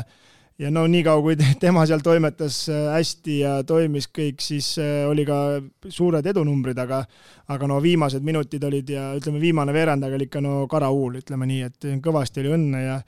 ainuke, mis nagu imestama pani, et Spanulis nagu nii tark mees, et äh, no ma ei tea, no, no miks ta seal, ma ütleks mängis, mängis tegelikult lõpu päris hästi, siis tegi niisuguse lolluse sinna kõige lõpuks otsa. no oligi, et see on nagu täpselt samamoodi, et kui sa kunagi pole kaitses mänginud ja hüpanud nagu, et siis järsku hakkad seitsme meetri peal mehele nii kulpi panema, et no okei okay,, paneb ära, contest'i chati nagunii on raske vise nagu selles mõttes, et teed selle viske ju raskeks, läheb, paneb ära, paneb ära, noh. see oli ikkagi valus kingitus, noh. aga ütleme nii, et äh, kui ikkagi lased pluss kakskümmend viis käest ära, siis äh, nagu siin juba rääkisite, siis, siis midagi ikkagi on paigas. midagi on ikka pildil valesti, jah. ja ei no see muidugi see siis veel ju sai ju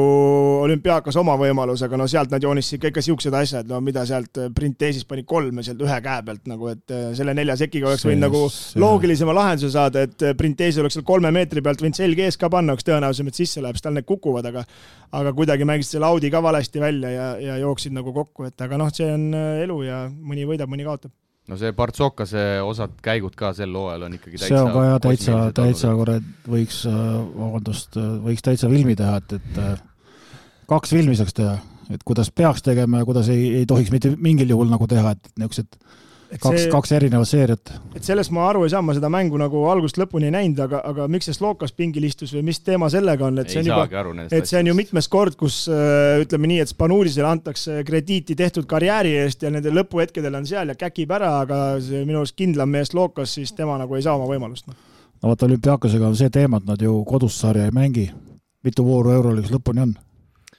kaheksa kaheksa vooru on veel, kaheksa mängu on veel äh, sellele jäänud. Nad mängivad esmaspäeviti sõpruskohtumisi. Spanjulisel. aga tõesti, et Printesis ju sai kaks pluss ühe, no seal oleks olnud ju tegelikult variant äh, vanameister kaitses, kaitseepisoodiks ära koristada, aga Bart Sokkas seda ei teinud Teist, ja, ja, ja, nii ta läks, aga see läks ja väga, väga metsa. aga mehed, vaatame järgmisse nädalasse. üks mäng veel, vaata, kiidame ka Albat ka. kiidame. Alba võttis pana ära, jah ja vaikselt toimetavad, no midagi ei ole öelda ja Euroliiga lehe peal oli peatreeneriga ju ka intervjuu ja pealkiri oli selline, et me vaatame kaugemale. noh, enam-vähem niisugune tõlge nagu. et see näitab, et äh, nad on nagu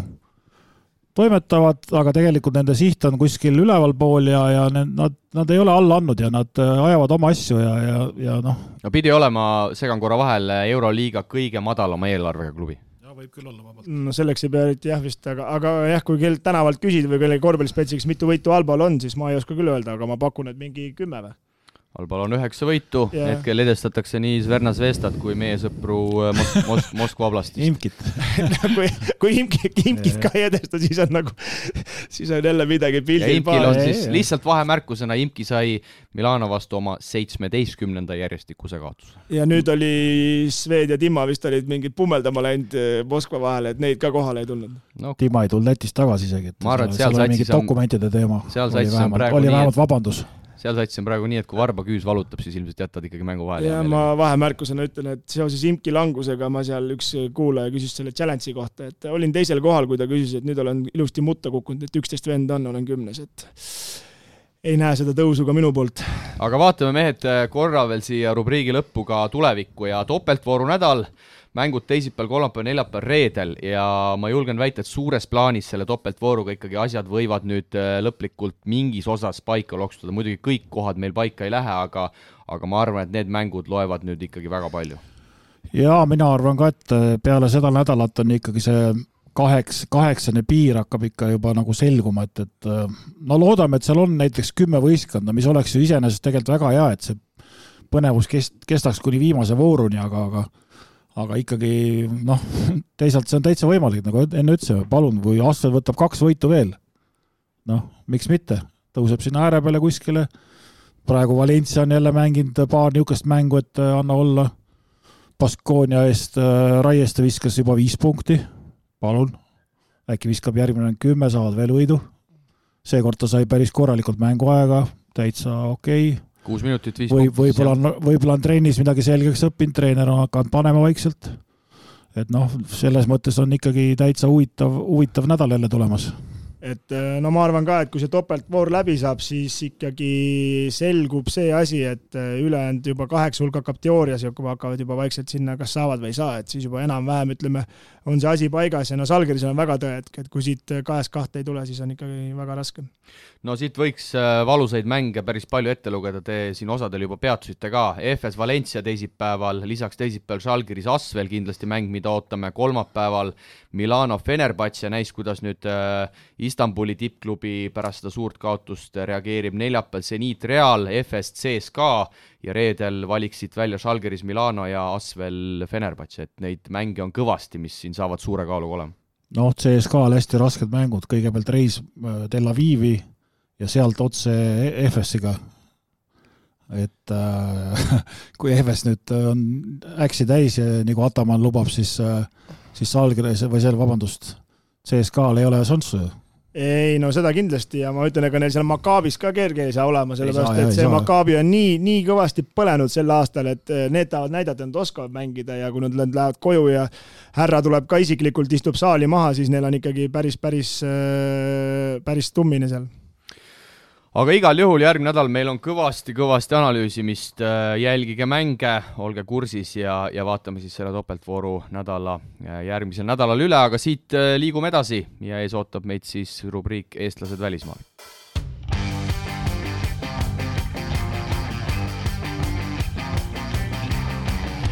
ja tänases äh, eestlased välismaal rubriigis kiikame Saksamaa väikelinna Kelterni, kus sel hooajal on korraga koos pallimus äh, ühes naiskonnas lausa kaks meie naistekoondise liiget, nimelt äh, kahekümne kaheksa aastane Mailis Pokk ning kahekümne ühe aastane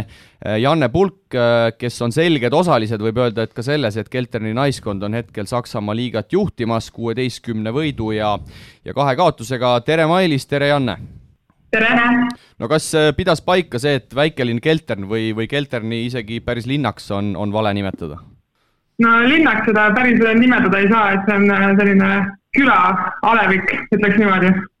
mis ta siis äh, lähem linn on seal äh,? ütleme, et päris suurlinnadest võib Stuttgardi nimetada, mis on siis kuuekümne kilomeetri kaugusel või siis, kes tunneb Karlsruhe, on siis kahekümne kilomeetri kaugusel no siis et... tuleb äh, küsida järgmine küsimus, et kas naiste korvpallis mängijatele autosid kantakse või? antakse oh,. No on auto vähemalt täis. siis see kuuskümmend ei ole ju midagi, seal saate iga õhtu käia ju. just, et siin Saksamaa mõistes on see väga väike ots, kuhu sõita tegelikult. seal ei saa veel autot soojaks juba kohal. no ongi, jah aga hakkame kohe asjast rääkima, no esimene kõige huvitavam nüanss võib-olla, mis minu jaoks tuli ka üllatusena, et Te olete Saksamaa kõrgliiga esikoha naiskond hetkel ja, ja naiskonnas pole mitte ühtegi sakslast, et seal on kolm ameeriklast, serblane, kaks horvaati, bosnialane, belglane, kanadakas, kongolane ja kaks siis Eesti tüdrukut, et et kuidas selline asi üldse, üldse võimalik on, et miks, miks selline komplekteerimine? no mina olen kolmandat aastat siin klubis, et äh, minu selle kolme aasta jooksul eelneval kahel hooajal oli äh, võistkonnas kaks noormängijat Saksa, Saksamaalt ja siis äh, üks professionaalne sakslane äh, mängujuhi koha peal. aga miks, ma ei tea, eks siis saab niimoodi öelda, et võib-olla on siis odavam palgata välismängijaid kui sakslasi ja samas ei ole enam seda reeglit, mis oli mitmed aastad tagasi, et väljakul peab alati olema kolm saksa mängijat ja kaks välismängijat, et seda reeglit ka enam ei ole, ehk siis ütleme, et ei ole nagu ühtegi piirangut välismängijate osas, kui on ainult ameeriklaste osas, et neid võib siis ainult kas kolm olla võistkonnas äh, Ameerika passiga. Ja ülejäänud võivad olla siis kõik välismängijad. jah, eks äh, klubi otsustada, klubi on siin alati mänginud äh, välismängijatega ja samas meil ei ole ühtegi noortevõistkonda siin peal, kust võtta siis noormängijaid, ehk siis tulebki, ütleme, et professionaalse mängijatega läbi ajada siin terve hooaeg et kui külas elab sada inimest, siis korvpallurid on raske leida, et kas sinu käsi on selles kõvasti mängus, et teine eestlane ka seal mängib? noh, eks ma ikka olen eestlastega siin kanda kinnitanud ennem, et äh, minu, minu käest otseselt ei ole nagu küsitud, kas Jannet palgata või mitte niimoodi, et mina seda otsust ei ole teinud, aga eks võib-olla esimese eestlane siin klubis vaadatakse ikka eestlasi, jah no Janne, sa olid eelmisel hooajal Hannoveri naiskonnas, kes siis mängib ka Saksamaa kõrgliigat, et äh, kuidas sa seda vahet võrdleksid kahe naiskonna vahel, et äh, no kindlasti Keltern, ma usun, on tugevam, aga võib-olla kui vaadata võistkondade professionaalsuse poolt uh,? kindlasti ma ütleks, et Keltern on palju professionaalsem, siin on kohe hooaja alguses anti meile ette võistkonna reegleid, kui midagi ei täida, siis ilmselgelt selle eest tuleb ka trahv, et see on siin äh, nagu paigas, et ei ole mingit lihtsalt suvalist panemist. et selle ma tooks ka kindlasti välja. aga no, et siin on palju rohkem kogenumaid mängijaid ja et siin ei ole nii palju noori mängijaid ja see ongi peamised vahed. räägi, oli sul peale Gert Kelterni veel äh, variante erinevatest liigadest, erinevatest klubidest või tuli see Kelterni huvi suhteliselt kiirelt ja, ja võtsid selle praeguse sellise ebastabiilse seisu tõttu siin maailmas ka kiirelt vastu? Äh, jah, nemad olid nagu ainukesed, kes mulle konkreetse pakkumise tegid. oli ka teisi võimalusi, aga jaa, kuna olukord on selline, nagu ta on, siis võtsin kindlalt selle vastu. no natuke teete minu arust Eesti korvpalli ajalugu, et ega meil vist välismaal kahte eestlast ühes võistkonnas hooajal, ma ei tea, kas on keegi, teate teie kedagi, mina minu arust küll ei tea. mina ka ei tea, et naistest oleks keegi koos ennem mänginud, vähemalt ei tule küll esimese hooga meelde ja et äh, tahtsin küsida, kuidas te seal omavahel hakkama saate, et kas äh, tülitsete tihti või palju trahvi olete maksnud siis äh,? ei, meie omavahel saame väga hästi läbi, trahvi mina olen maksnud äh, valede sokkide kandmise eest, see on ainuke trahv, mis mina olen maksnud. ma ei tea, Janne saab. Janne, Janne on puhas veel. Janne on puhas või? no aga... siis, siis teil läheb ikka hästi, et tuleb, tuleb kiita, et Kas ei ole midagi. Janne pani valed sokid sulle kaasa ja siis sa said nagu sellepärast mängu, mängupäevaks tulid mustad sokid kaasa, pidid valged olema okay. aga tegelikult me saame läbi ja selles mõttes on hea, et ütleme, et meil on ühine keel ka, et siis me kasutame seda ka tihti trennides niimoodi, et ütleme, et break the play'd, et seda me kahekesi ikkagi vahepeal teeme, noh. Aga kui äh, et kui kuulata teie juttu, et äh, üldiselt on nii, et kui on nagu trahvid ja nõudmised, siis järelikult klubi ambitsioonid on nagu suured ja, ja tehakse seda asja professionaalselt kõvasti, jah? jaa, kindlasti. Ja, ja et äh, siin on iga, ütleme, et iga väikse asja eest peab täitsa maksma siin, et äh, kes on juba panustanud siin üheksakümmend eurot äh, klubi rahakotti, et äh, kes siin natuke vähem, et äh, on mille eest tuleb maksta tõesti. No teil on noor peatreener, sakslane Kristjan Horengrotter, kolmekümne nelja aastane ja kui ma ei eksi, siis alates kahe tuhande neljateistkümnendast aastast on ta, on ta Kelterni eesotsas, et rääkige sellest mehest ka veidi, et mis tüüpi treener ta on, millist mängustiili viljeleb ja millele enim võib-olla, et rõhku pannakse nii kaitses kui rünnakul mm,? ta on jah klubis olnud siin äh, päris pikalt juba ja tema tõi selle võistkonnaga meistriliigasse äh, ja ka Eurokapis äh, minu esimesel hooajal saime edasi kuueteist hulka koos temaga. et minu jaoks on ta selline noor, avatud treener, et temaga nagu saab suhelda alati, kui miskit on või siis küsida tema käest. ta tahab kiiret mängu mängida seepärast on meil alati ka võistkonnas kiired tagamängijad, samuti pikad mängijad on pigem sellised kiiremad viskajad ja paneb suurt rõhku kaitsele, et äh, kaitses peab väga täpne olema, kuidas katetest läbi lähed, kuidas äh, maa-ala mängib. et meil on selline match-up zone, et näiteks temaga mängime seda, et ma ei ole teistes klubides seda mänginud. et tal on jah, kindel selline kaitsevisioon, et sellele tuleb päris palju rõhku ja siis nagu ütlesin, et kiire mäng no, on räägi... põhimees rääkige oma rollidest ka veidi, et, äh, et nii Janne kui Mailis, et, et mida treener teilt äh, mõlemalt ootab, et ma eeldan, et Janne mängib seal number kahe positsioonil ja, ja Mailis, sina vast äh, kolme-nelja peal või oled, või oled ainult nelja peal äh,? hetkel on niimoodi, et äh, olin nelja peal äh,, tähendab, ma tulin klubisse kolme-nelja peale siis läksin nelja peale üle täiesti aga nüüd olen viimased paar nädalat kolme peal mänginud, sellepärast et meil on esimene mängujuht on vigastatud hetkel, ehk siis üks äh, kaard on meil vähem hetkel. et minu roll nelja peal äh, jah, on kaitses eelkõige pikemad, kiiremad maha võtta, kolme peal sama, võtta siis suuremad kolmed maha. et alati me niimoodi match ime ka mängudes, et kuidas on, et minu roll on siis jah, siiani rohkem nelja, nelja peal olnud. ja ma alustasin, või ma tulin kahe-kolme peale aga alguses ma olin rohkem kolme peal, aga kuna nüüd on põhimängujuht vigastada, siis ma liikusin kahe peale. aga mul on ka lihtsalt, et ma mänguaeg mul tulebki sellest, kuidas ma kaitses mängin ja siis tulevad alles rünnak ja visked ja kõik sellised asjad. kui me nüüd võtame viimased äh, paar mängu näiteks äh, selle taustal, et äh, te rääkisite süsteemsest kaitsest, asjast, et millega te neid võite nagu siis ära võtate, et, et te olete ikkagi liiga liidrid, et mingi ühene äh, ühene tähelepanek äh, tuleb nagu välja või, või tutvustage natuke nagu oma liiga nagu põhjal, et, et millega te teistest nagu siis paremad olete? ma arvan, et meie see kaitse, kuidas ma ütlen, rotatsioon ja reageerimine ka rotatsioonis, et see, kui see on nagu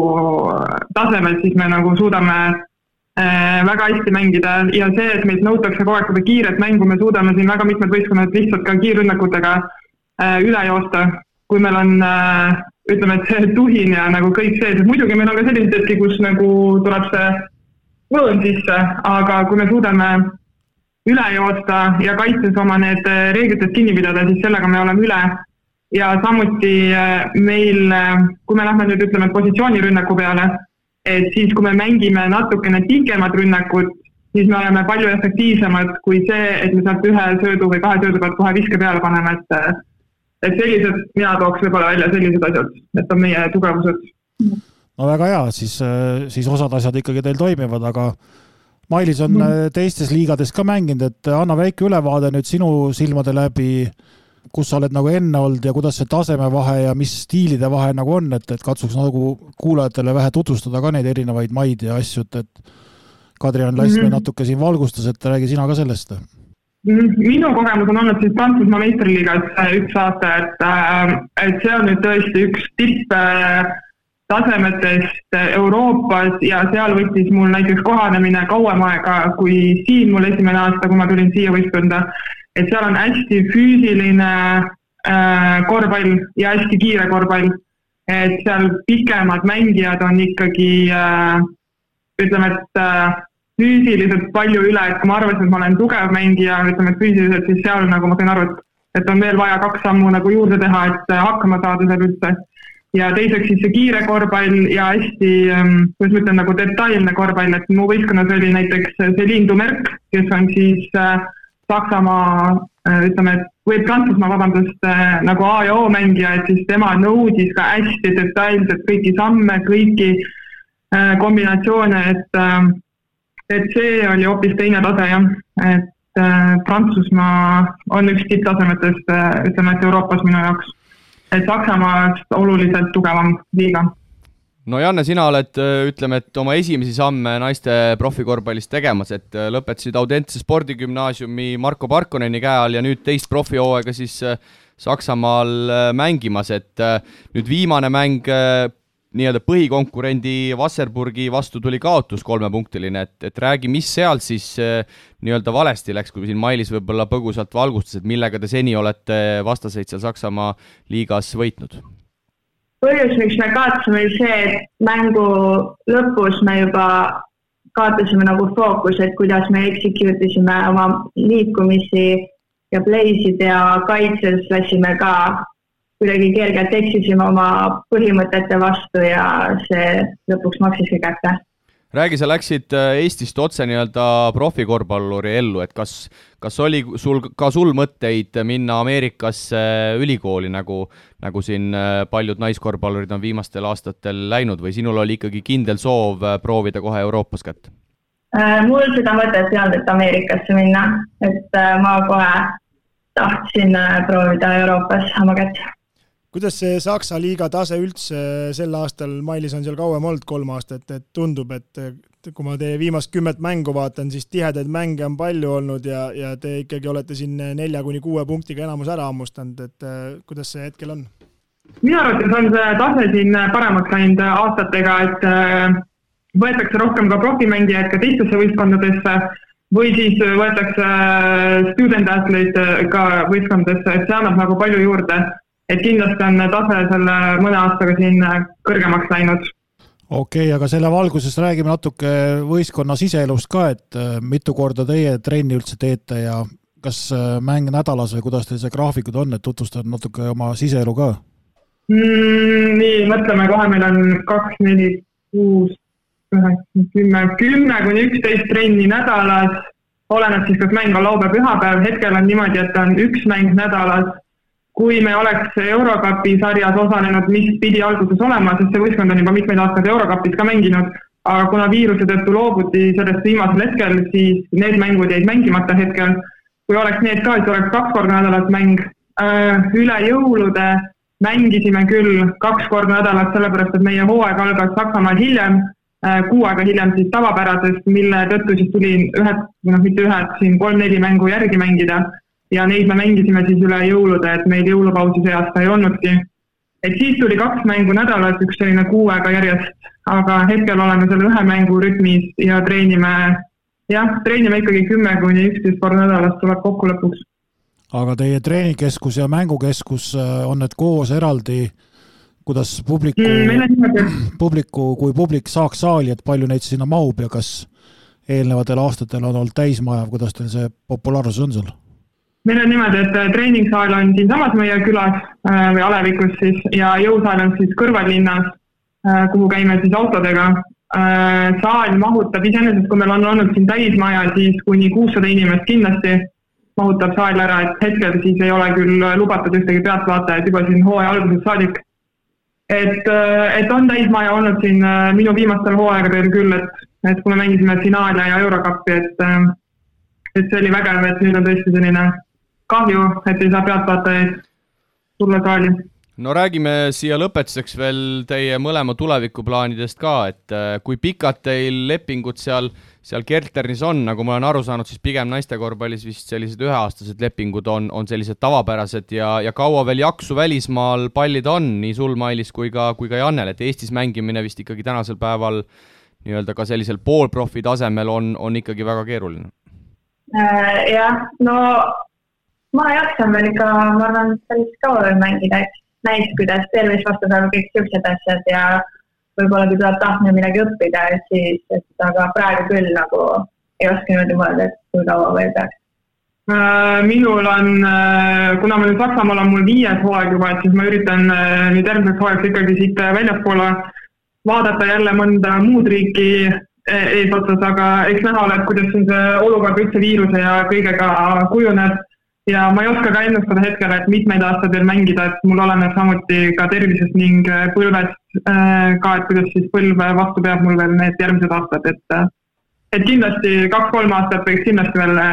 panna mõnel kõrgemal tasemel ja siis edasi vaadata, kas, kas on veel jaksu või kuidas keha vastu peab no suurepärane, aga, aga hoidke siis äh, Eesti naiskorvpallurite lippu seal Saksamaal kõrgel, katsuge see, see Saksamaa liiga tiitel ära võtta, mängumehed soovivad teile igatahes äh, selleks edu, loodetavasti koroona ikkagi laseb ka, ka Saksamaal selle, selle hooaja lõpuni mängida, nii et püsige terved ja, ja püsige võidukad. edu! jaa, suurepärane, aitäh teile! püsige terved ja edu, jah! Ja sellised äh, jutud siis äh, Saksamaalt, kus nagu öeldud, äh, harva nähtav juhus, kus kaks, kaks naistekoondise korvpallurit on, on ühel hooajal kokku saanud, aga siia võib-olla veel mõned tulemused eelmistest nädalatest. Kadrian Lass siis, siis teine naiskorvpallur, kes mängib Ungari kõrgliigas ja kes meil siin ühes saates ka alles hiljuti oli telefonitoru otsas, nemad siis mängisid mängisid Euroliiga naiskonnaga Sopron koduliigas ja, ja napilt aga kindlalt kuue punktiga jäädi alla, Kadrile neli minutit mänguaega, aga aga suurem üllatus tuli siis kolmapäeval, kui karika veerandfinaalis, mis siis Budapestis mängiti, kaotati veidi üllatuslikult endast tabelis tagapool olevale Äh, Aluin Veti äh, naiskonnale seitsekümmend neli, seitsekümmend üks ja, ja lassis selles mängus äh, kuus minutit väljakul, nii et karikas sai sellega Göri naiskonnal läbi. kui siin meeste tulemusi veel vaadata, siis kindlasti valmistab meile mehed rõõmu see, et Kristjan Kitsing on tagasi väljakul ja laupäevases võidumängus võõral väljakul Brianai vastu kaheksa minutiga sai, sai ikkagi oma kolm punkti kirja. no vaikne tagasitulek hakkab toimuma jah, et see on ainult hea meel ja, ja ja loodame, et, et kõik on korras ja saab hakata treenima ja, ja hooaja lõpus veel ennast korralikult näitama, et seal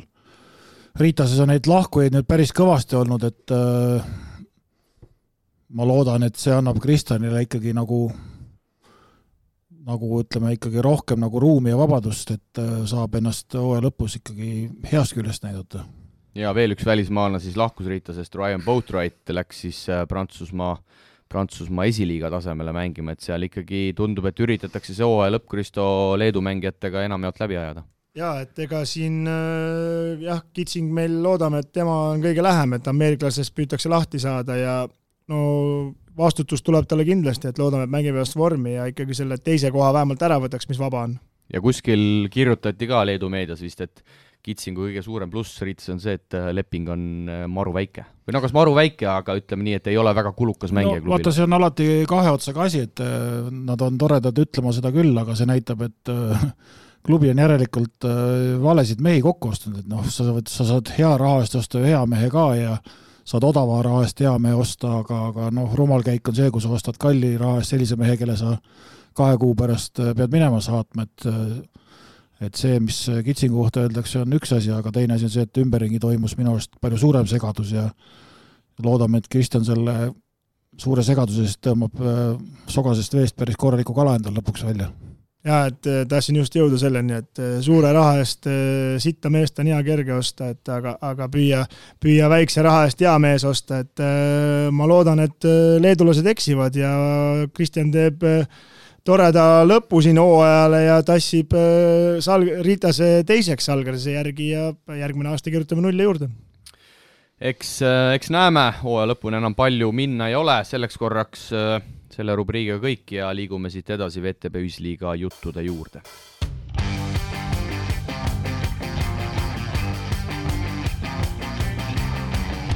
ja pärast põgusat pausi siis VTB liigas ka juba mängud laupäeval toimusid Kaasani Unix koduväljakul võib öelda, et hävitas Nižni Novgorodi, mängu algus kolmkümmend kolm, kolm, Unix läks seda mängu juhtima ja lõpuks siis numbrid kaheksakümmend seitse, viiskümmend kuus, no sellist, äh, sellist haamrit ammu ei mäleta, eriti VTB liigast. enne, enne mängu oli Nižni treeneriga intervjuu, et, et mida ta ootab sellelt mängult ja ta ütles, et sellise lause, et äh, hetkel mängib Unix äh, VTB-s kõige paremat korvpalli. ja nagu oma sõnade kinnituseks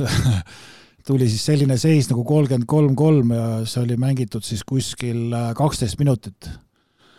ja, ja no ma ütlen ausalt, et sellist kaitset, mida Unix näitas, agressiivselt, kõrgelt käidi peale, igal mehel elati seljas, sellist, sellist pole ammu näinud ja, ja selles mõttes tuleb niiviisi treenerile öelda, et tal oli scouting õieti tehtud ja ta teadis, et et seal on ohtlik, ohtlik vastane ja ta sai, sai seda tunda kohe. ja kui me rääkisime siin äh kõvadest võiduseeriatest Euroliigas, siis äh, Kristo Unixile kuueteistkümnes võit järjest siis äh, kahe,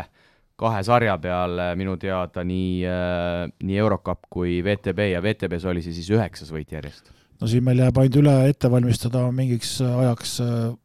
peame vaatama siis, et kes siis sellel aastal näiteks Euroopas selliseid numbreid nagu näitab, et, et kust see kõige suurem seeria tuleb kas see, kas see tuleb mõnest madalamast liigast või tuleb see mõne hea satsi poolt, et et selline kuusteist on ju ikkagi päris, päris edumeelne number ja me teame, et seda treenerit ju taheti tegelikult siin vahepeal ära osta ja ja ta ei läinud, et noh, siis see näitab, et omanikud tegid, tegid õige käigu, jätsid treeneri pukki ja see toob edu. äh, tuleta mulle meelde, kummas Unix mängib, kas Eurocupis või Eurocupis, Eurocupis jah, hetkel vahegrupis äh, top kuusteist, neli võitu, null kaotust. et äh, meil ei ole mõtet neid seeriaid vaadata, et kes, ma ei tea, Eesti teises liigas seda teeb, aga Eurocupi või Euro Challenge'i võistkondadega võiks vaadata, või see, vabandust, Euro Champions League'i nende võistkondadega võiks vaadata küll, aga see on päris muljetavaldav küll jaa, et kuusteist ja arvestades tegelikult VTB tihedust, siis ei ole mingi naljaasi. ja seal Eurocupis siis ka korra läheme võib-olla teemast kõrvale kõigepealt Andorrale võõrsil seitsmega, siis kodus Gran Canaria pluss üksteist, võõrsil Mornar Bar pluss seitseteist ja kodus kakskümmend viis, ehk siis veel Andorra ja Gran Canariaga on jäänud äh, mängud mängida, aga tundub, et Unix on minemas sealt ka edasi ja Nemad vist on juba kvalifitseerunud, eks? jaa, seal on juba sulgudesse ka olemas, et neli võitu, null kaotust, teine on Andorra kaks-kaks, nii et seal on, Unixil on äh, Unixil on asjad väga hästi, Kuban hädas kodus Jenisseiga, lõpuks ikkagi kahepunktiline võit võeti, aga nagu me, Priit, sinuga Kalevi spordihallis veendusime, Jenissei ei ole üldse paha sats. Jenissei mängib väga jah, korralikku korvpalli, aga Lokomotiivil jõudu on ja, ja ja paljud mehed käisid koondise pausil ära ja treeneri kommentaar oli ka, et, et et kogu selle segaduse kõige tähtsam oli see, et saime uuesti mängima hakata ja võtsime võidu, et äh, nüüd tuleb äh, Lokomotiivil äh, ellujäämismängud ka selles samas, kus Unix on juba edasi saanud seal Ulepkapis, et et Lokomotiiv on siin nüüd valmistunud lisamehi võtnud endale, et vaatame, kas tulevad siis sealt kaheksa hulka või ei tule. Jaa, et sealt äh, kahte meest ma tean, kes koondise pausilt tagasi tulid äh, Leedu koondisest, et äh, nendel väga hea tuju vist tulla ei olnud, et läbi õnne. Neetis ja see Kuzminskas, et heitlik on olnud, aga eks ole kevadel näha aga räägime, mehed, Craamost, äh, sel nädalal on siis äh, kaks mängu ees ootamas, täna juba algusajaga viisteist kolmkümmend mängitakse võõral väljakul Astanaga, Nur-Sultanis siis Kasahstani pealinnas ja pühapäeval on kodus ees ootamas Saratovi Avtodor, no alustame, alustame võib-olla üldistest juttudest, Artur Saagars ikkagi, kes pidi Gramoga liituma, ei liitunud, kuna sai Läti koondisega vigastada, aga nagu Krista saate alguse poole mainis, siis Kristaps Kluditist, Rakvere Tarva mängumeest Gramo on või siis oli jahtimas, aga see üleminek ilmselt ei ole veel päris, päris lõplikult kinnitatud jah, et siin äh, Rakvere vahel linnud silistasid, et neljapäeval oli nagu kindel, aga laupäevaks juba ebakindel, et eks siis homme ole, esmaspäeval ole näha meil siin, et äh, mis see olukord siis reaalselt välja toob, aga niisugune jutt oli jah, et Kluditis sinna ja Kaufmannis äh, teeb, läheb kuskile parematele jahimaadele, aga, aga eks elame-näeme. ja üks asi oli veel, et eelmine saade siin ennustasime, et äkki, äkki Kiini vastu tunneb keegi huvi ja, ja see jutt ikkagi läks ka natukene pihta, et Hiini vastu huvi tunti, et siin Zelona Cora arvata või kuuldavasti oli tahtnud. ja Lundbergi suuri-suuri saapaid siis ja. äh, tahtis äh, Poola klubi Kiini täitma, aga see diil tundub, et teoks ei saanud ja hoopis kreeklane Nikos Papas, kes ka pikalt on siin vabaagent olnud ja enne seda aastat Panathinaikoses ei ole ka suurt midagi näidanud, siis tema peab võtma Lundbergi nii-öelda rolli üle jah, et äh, seda uudist kuuldes siis äh, jah, jäin ainuke asja peale mõtlema, et me ikka seda Kossu värki vist jagame, et äh, Priit juba teadis seda nädal aega ette ja, ja see tulemus oli hiljem käes. eks tal neid aastaid ju pole ka ja treeneri kogemust, eks absoluutselt, aga, aga tuleme tänasesse päeva. no võtame veel selle pühapäevase mängu ka ikkagi ette, et äh, Cramo vaata tuleb see mäng. noh, palju ka siis äh, Lokomotiiv siin äh, Smokit võitis Auto, Autotor sa pead silmas? Sorry, Autotor. sada kolmteist, kuuskümmend kuus, no tundub, et seal, seal Minski treener ilmselt legionärid on ära saatnud ja noh, Kristoga me seda suurepärast mängu ka kommenteerisime, kui Cramo seal Minskis käis, et seal seal ikkagi toimub, toimub midagi, midagi väga huvitavat. jah, aga ütleme teiselt poolt vaatame, et kui Astana tuleb ikkagi või kuradi Astana, vabandust sa oled nagu, Kristo on sul sind nakatunud või yeah.? vist jah. see on vist liiga lähedal istunud täna, ta hakkab ka vaikselt hägunema see nimede peale. Avtotor tuleb saja kolmeteist punkti pealt ja no nendele on ka, meeldib tuld anda, et see tuleb ka Cramol päris valus mäng, et siin peavad ikka väga maksimaalselt valmis olema ja ja, ja kui nad natukene kuskilt poolt järele annavad, siis äh, see vastasvõistkond on karm ära karistama kohe, et aga noh, see mäng ka Astanas on, tuleb väga raske, sellepärast et seal, seal on kõikidel raske, seal ei ole midagi teha, ajavahed ajavahed, kellaajad, kõik niisugused asjad väga mõjutavad, et, et, et noh, loodame parimat. no Cramo reisis äh,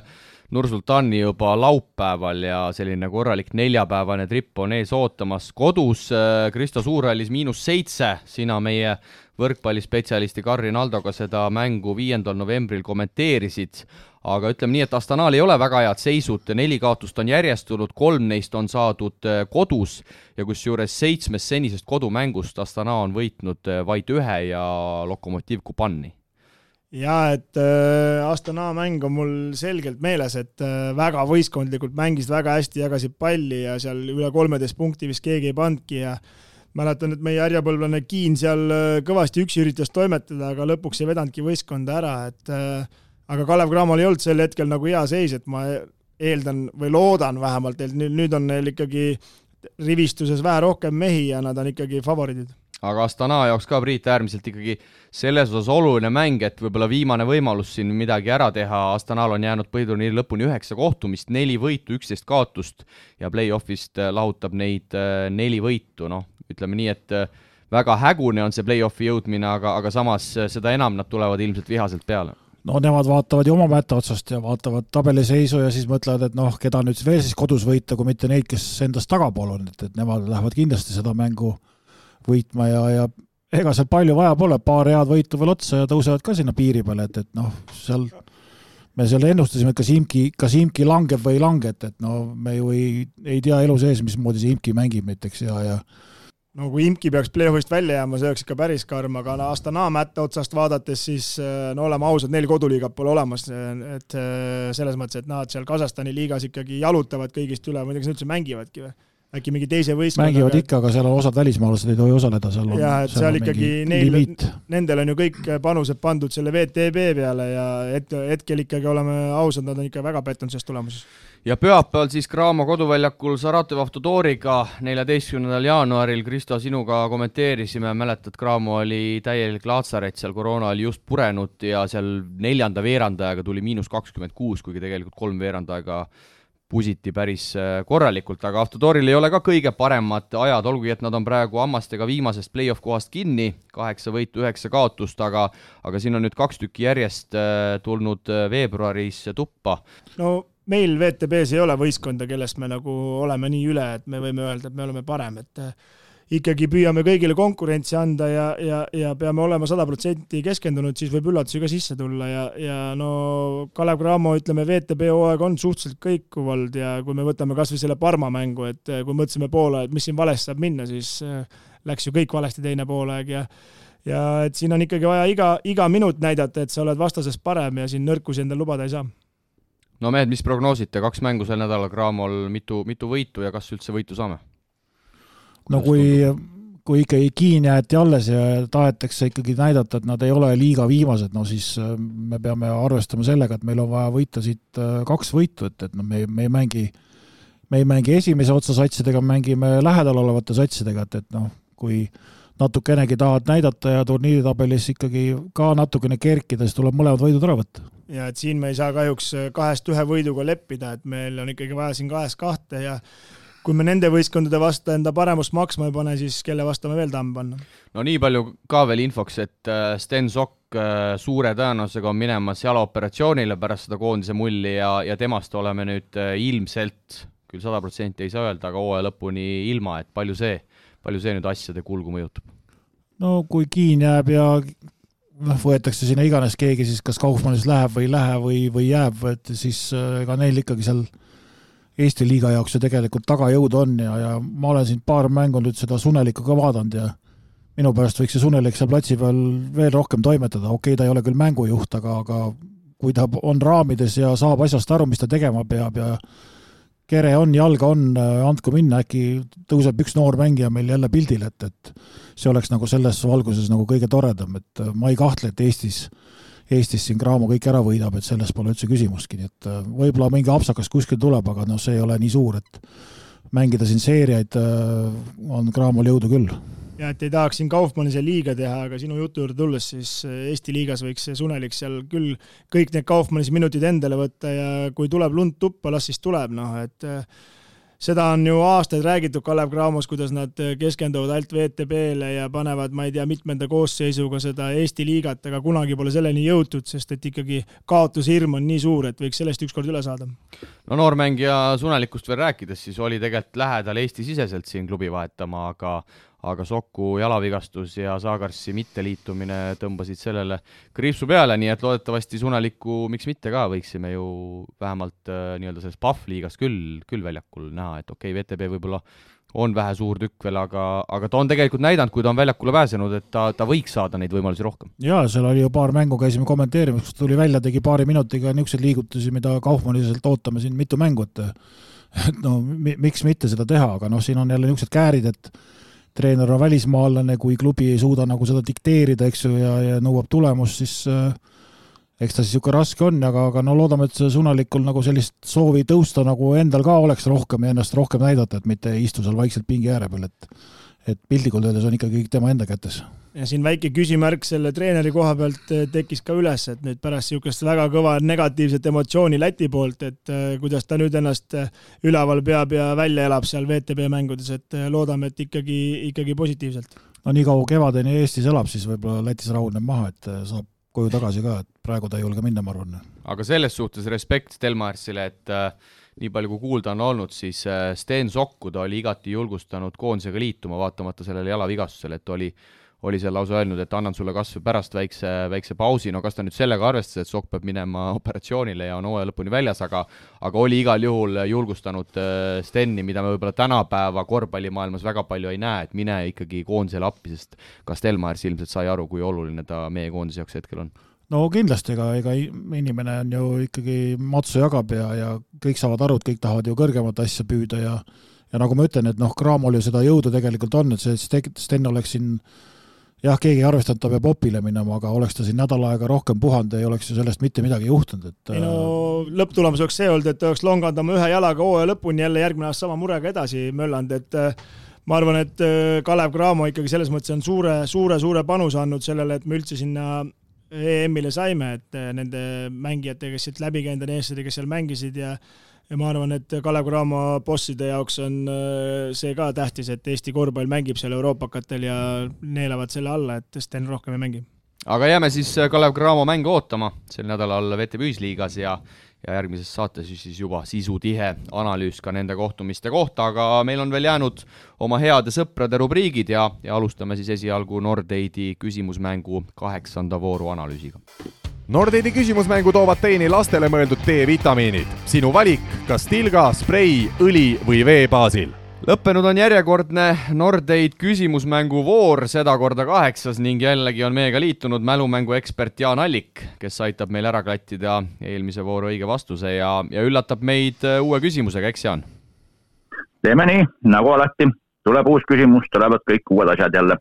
aga kõigepealt siis eelmise korra küsimusest.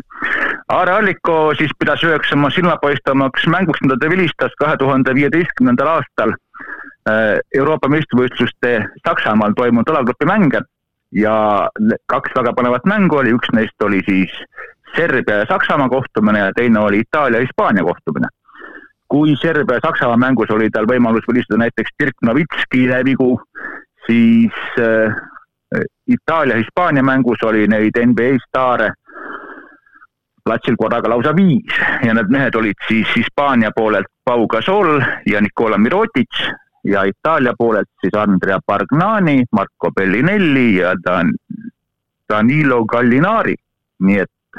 Itaalia-Hispaania kooslus oli siis see. õigeid vastajaid oli minu andmetel üle kahekümne ja seekord, kuna minul praegu pole õigete vastutabelit juhuslikult ees,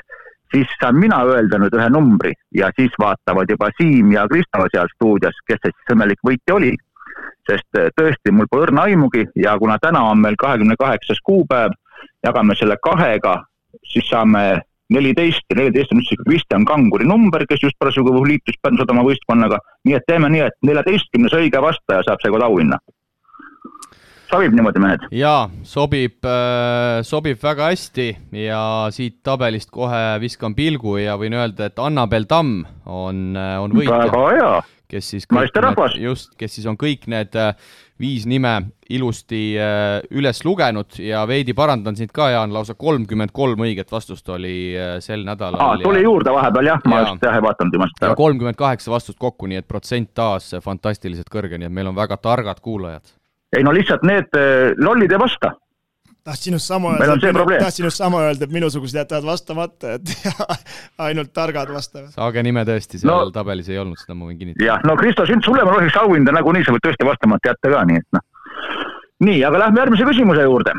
Äh, ja nüüd siin lubasin tulla tagasi selle EM temaatika juurde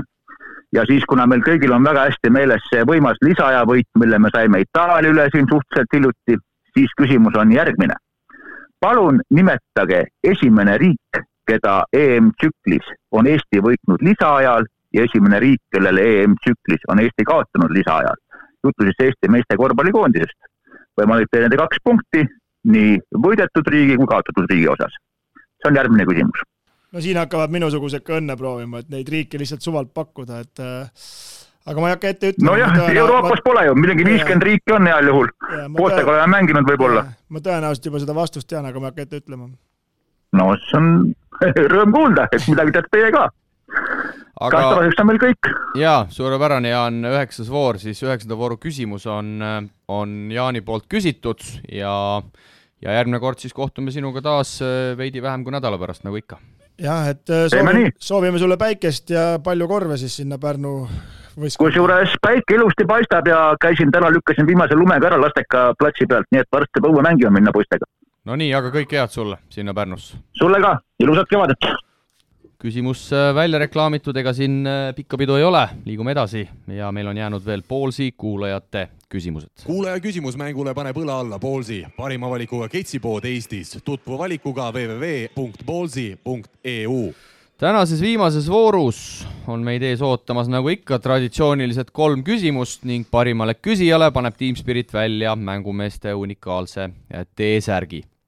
ja esimene küsimus äh, tuleb äh, Viktorilt. me igal juhul kiidame, ta paneb siin natukene meile sõbralikku kriitikat, aga samas me julgustaks kirjutama ikkagi oma nime alt, et ma kardan, et see Viktor Vihmavari on, on väike varjunimi, aga, aga sellegipoolest, kriitika on alati teretulnud, me, nagu me siin ennast kiitnud oleme tohutult, siis me loeme ka selle kriitika ette. Ja see kriitika siis, Kristo, tuleb otse loomulikult kas ikkagi see, sinu suunal. ja kas see on esimene kiri, mis on nagu päriselt tulnud või? Ülejäänud on sinu kirjutatud sinna ette või? Sinu, minu ja sinu proua. Yeah.. nii, aga Viktor siis äh, kirjutab järgnevalt. tere, kõik on väga hea, aga teeks natuke sõbralikku kriitikat ka kuna ma ise suurem asi mälumängur pole, siis minu jaoks jääb mõnikord saate lõpuosa esimesest poolest vähem huvitavamaks. ka küsimuste rubriik on üsna kõikuva tasemega, no siin Jaanile ju puhtalt see kriitika, mitte meile. ja lähme siis edasi, minu meelest võiksite omale ühe Ameerika rubriigi sinna kusagile juurde tekitada, peaksite pisut puudutama ka ookeanitagust asja, NBA-s on ikkagi maailma parimad klubid ja pallurid. Ja isegi kui te mänge vaadata ei viitsi, siis vähemalt tabeliseisule võiks ehk ikkagi korraks pilgu peale visata, ehk ka mõne eurooplase tegemisi pisut kajastada. Ja lisaks võiks selles rubriigis ka Ameerika üliõpilaskorvpallist rääkida, praegu päris täpselt ei saagi aru, mis konverentsid ja asjad seal on, millistes meie mehed mängivad, kellel neil on sinna märtsi-juulusele võimalik pääseda ja nii edasi. no kõigepealt enne, kui tuleme Viktori küsimuse juurde, siis äh, natuke arutame, et äh, esiteks ma kardan, et kui me siia mehed midagi lisame veel, siis äh, see saade kipub sinna kolme tunni kanti minema, et see vist ei ole ka nagu päris õige no kindlasti võib seda ju tulevikus arutada, aga hetkel on äh, formaat nagu jah, nagu paigas ja, ja enamus on selle heaks kiitnud, et äh, kindlasti on meil ju end-, isiklikud huvid ka, ütleme, et meil ikkagi USA-s ju üliõpilasi mängib ja päris palju neid viimasel ajal ja ja eks me võib-olla leiame nende jaoks ka mingil hetkel nagu aega, aga aga ütleme siis nii, et praegu tegeleme nagu maisemate teemadega ja proovime siin lähi, lähiringkonna asjad nagu rohkem kontrolli all hoida, aga, aga ideel on jumet ja, ja vaata, mis saab. selles mõttes, et mul on nagu hea soovitus Viktorile, et eh, NBA podcast'i Eestis pole, et ta võib selle teha selles mõttes ja andku kuuma, et eh, et eh, no ma ei tea, ma arvan, et ma ise ei oskaks NBA korvpallist mitte midagi kommenteerida, et tuimalt neid Lebron Jamesi kolmikduubleid ja Luka Dontšitši omas ette lugeda, see nagu noh, ma ei, ei, ei näe nagu, et ei ole ise situatsioonis olnud ei tea sellest midagi, Euroopas ikka tead, kes kus liigub, mismoodi midagi toimub, et on mingi nii-öelda touch, et aga selle NBA korvpalliga no nii-öelda ei ole, et ma vaatan ka, okei okay,, kui ta tuleb, mul tuleb, ma vaatan, aga aga see nagu ei ole päris see, ma arvan. no ma isegi mõtlen, et äh, olgugi, et me siin Euroliiga rubriikides ja, ja mujal loeme ka tulemusi ette ja palju keegi viskas, aga kuna me ise jälgime ja oleme asjas sees ja loeme uudiseid, siis äh, siis seal on ka nagu mida arutada, et lihtsalt tulemusi ja nagu Kristo ütles, neid kolmikduubleid siin ette vuristada, et noh,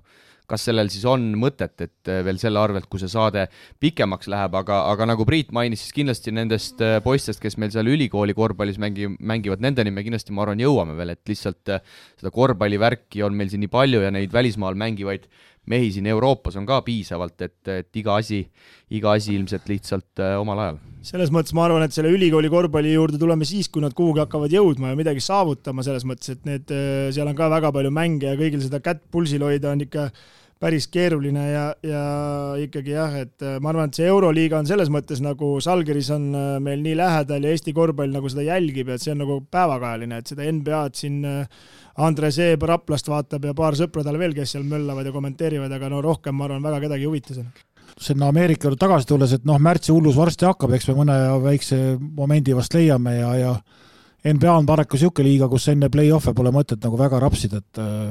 kui nad hakkavad seal need sest need mehed ka ei rapsi seal. et äh, kui see tabel hakkab seal selguma ja kes kellega nagu kokku lähevad, et siis võib seal väikse, väikse asja nagu vaadata. ja väikse analüüsi ütleme panna ja, ja enda selle nii-öelda asja, aga, aga, aga ei, jah, ma olen ka täiesti nõus, et seda NBA-d üle käia, et see on ikkagi kaheksakümmend neli mängu hooajas ühel satsil, et see, see, see võtaks meil, ma julgeks pakkuda, et kaks tundi juurde, noh. ei no selles mõttes Kristel on õigus, et NBA podcast on olemata meil, et, et noh, keegi võiks Leedus on see olemas näiteks. keegi, absoluutselt, keegi võiks seda ju teha ja kas või kord nädalas või kord kuus või ja võib-olla, võib-olla isegi mõnikord kuulaks ja saaks ka targemaks, et äh, miks mitte. jah, informatiivsuse mõttes kindlasti ma usun, et ma arvan, et me kõik, kõik kuuleksime, kui see oleks hästi tehtud, aga Viktorile ma võin nii palju öelda julgelt, et et meil on selge formaat, ma usun, et kõik meie kuulajad juba teavad, millal mingi äh, rubriik tuleb ja alati võib selle lõpu äh, kuulamata jätta, kui ise suurem asi mälumängur pole, nagu ta väidab, ja ja küsimused on kõikuva tasemega, aga selle küsimuste osas ma kindlasti Viktor turjutaks, et ma arvan, et meie kuulajad on tegelikult saatnud ikkagi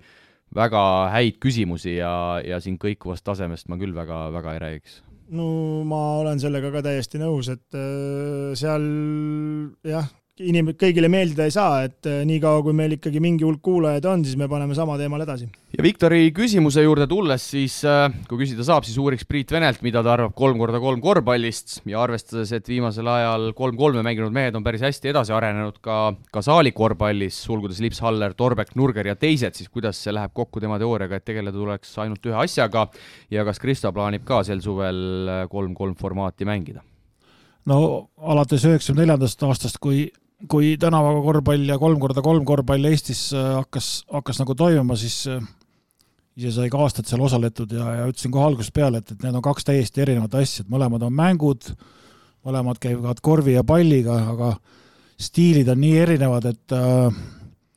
et noh, kui võtame ainult kolm korda kolm, päris huvitav vaadata, et sai siin isegi Leedus oli suvel mingisugune challenge siin koroona, koroona segaduses ja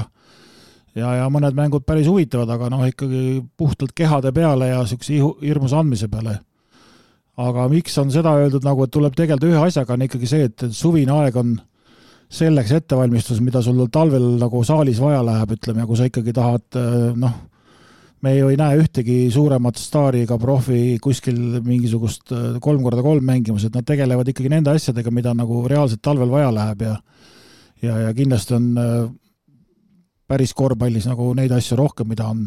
kolm korda kolm kossus vaja, et, et noh, erinevad asjad, aga, aga jumala pärast tuld ja täitsa olümpiaala äkki ja, ja no mis siin ei ole ju midagi öelda, et, et tuleb, tuleb ka osaleda, ei tohi rongist maha jääda, et see on kõige tähtsam, me ei maga nagu seda ette jälle maha, et et mujal maailmas nagu tõustakse, leedukatel juba juba arutatakse eelarveid ja, ja kõike, palju seal mingi miljon oli minu arust mingi teema, et seal ikkagi igale poole nagu peale saada, et päris suured numbrid juba käivad ringi ja ja, ja noh, Siim oskab selle kohta täpsemalt rääkida. no kui sa Leedu juurde tulid, siis äh, leedukad siin mõned päevad tagasi lõpetasid äh, esimese laagri, seal oli äh, kaksteist meest minu teada. Juventuse mehed kõrgliigast lõid kaasa, kusjuures ma isegi ei saa aru, mis, mismoodi, aga ma tean, et see Juventuse peatreener Urbonas on no, seal nüüd abitreener oli. jaa, sellel ajal siis ilmselt tegidki ja seal olid need äh, need äh, mehed, kes mängivad siis Leedu esiliigas, ehk seal oli kaksteist meest, tegi niisuguse mõnepäevase laagri Leedus läbi. no nemad vaata ju käivad mööda maailma kahe või kolme satsiga. jaa, ja neil tuleb ju noh, nagu meie naistelgi tuleb nüüd äh, mai lõpus tuleb ka neil tuleb olümpiakvalifikatsioon ja no leedukad haistavad seal kõva võimalust sellest no, kindlasti, kindlasti, et äh, ma ütlen, et no me peame vaatama ise rongist maha ja jaa, et öö, ütleme kolm korda kolme juurde tulla, et mina kindlasti sel aastal ei taha osaleda sellel turniiril, et öö, Siimu survel, Siimu survel ma eelmine aasta tegin, aga see mäng on kahjuks minust juba üle jõu käiv, et et aga ütleme nii, et siin, kui me vaatame lähinaabreid, siis Lätit ja seal ju minu Tšooma Valga aegadest Edgar Skrumins seda asja ajab ja no neid turniire ma olen vaadanud ja no need ikkagi ütleme nii, et on mängijad, kes tulevad saaliga korvpallist ära üldse, sellepärast et äh, tegelevad ainult ühe asjaga, et ma arvan ka, et mõlemas väga edukas olla ei saa, et äh, no jaa, Riia meeskonna näitel, kes siis ühtlasi on ka Läti rahvuskoondis selles formaadis,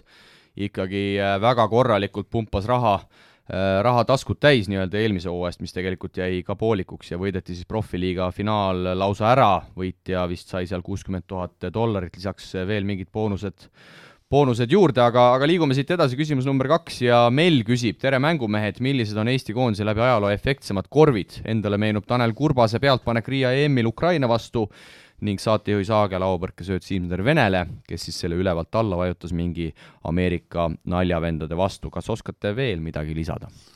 no viimane pauk käis ju Permis siin nädal aega tagasi Maik-Kalev Kotsar. Maik-Kalev Kotsar peale seda pauku isegi no, Jacob Wiley jäi päris, äh, päris vaikseks, et päris huvitav oli vaadata seda. Wiley on harjunud ise muidu selliseid asju. ja, ja ta enne säras ju seal kõvasti ja ärgitas kõiki kõvasti mängima ja kui see nätakas ära käis, siis äh, siis oli, siis oli see sulg ka läinud. kuidagi said tuhku otsa poisil siis jah, jah, et aga, aga siin äh, jah, see minu sööt äh, Siimasele, no see oli kaerade vastu, need, need me loputasime mingi seitsmekümnega äkki. jaa, ma kusjuures ma vaatasin selle Youtube'ist üle selle, seal on täitsa video kakskümmend kaks tuhat vaatamist, Krista, on sellel, sellel no, videol, kus sa pärast äh, pärast vabaviskeid äh, seal kiires äh, Siim-Sandrile no, no vaata, see oli niisugune karm hetk, et kõik arvasid, et nüüd Saagel läheb, vajutab ise pealt ära, aga mm. hops, viimasel hetkel sööt ja no kõik no, seda no,, seda keegi ei oodanud no, enam. sööt oli täiesti ja. muidugi valesti läks, aga Siim-Sandar kuidagi sai äh, näppudega kätte ja vajutas ära, aga, aga nali, nali naljaks. oota, oota, ma nüüd räägin edasi, et kas sa tahad, et ma tõstan selle saladusloori, et tegelikult läksin viskele, läks pall käest lahti või Siimas klattis ära või? nii hull vist ei olnud. aga, aga kui ma nüüd äh, ilusamaid hetki tahetaks teada Eesti koondises, siis äh, negatiivse poole pealt äh, tuleb meelde Nedovits, kes pani meie jäätisemehe Reinar Alliku korralikule postrile äh, Saku Suurhallis, aga Eesti esitluses ma ütleks, et alati ei pea see pealtpanek olema, et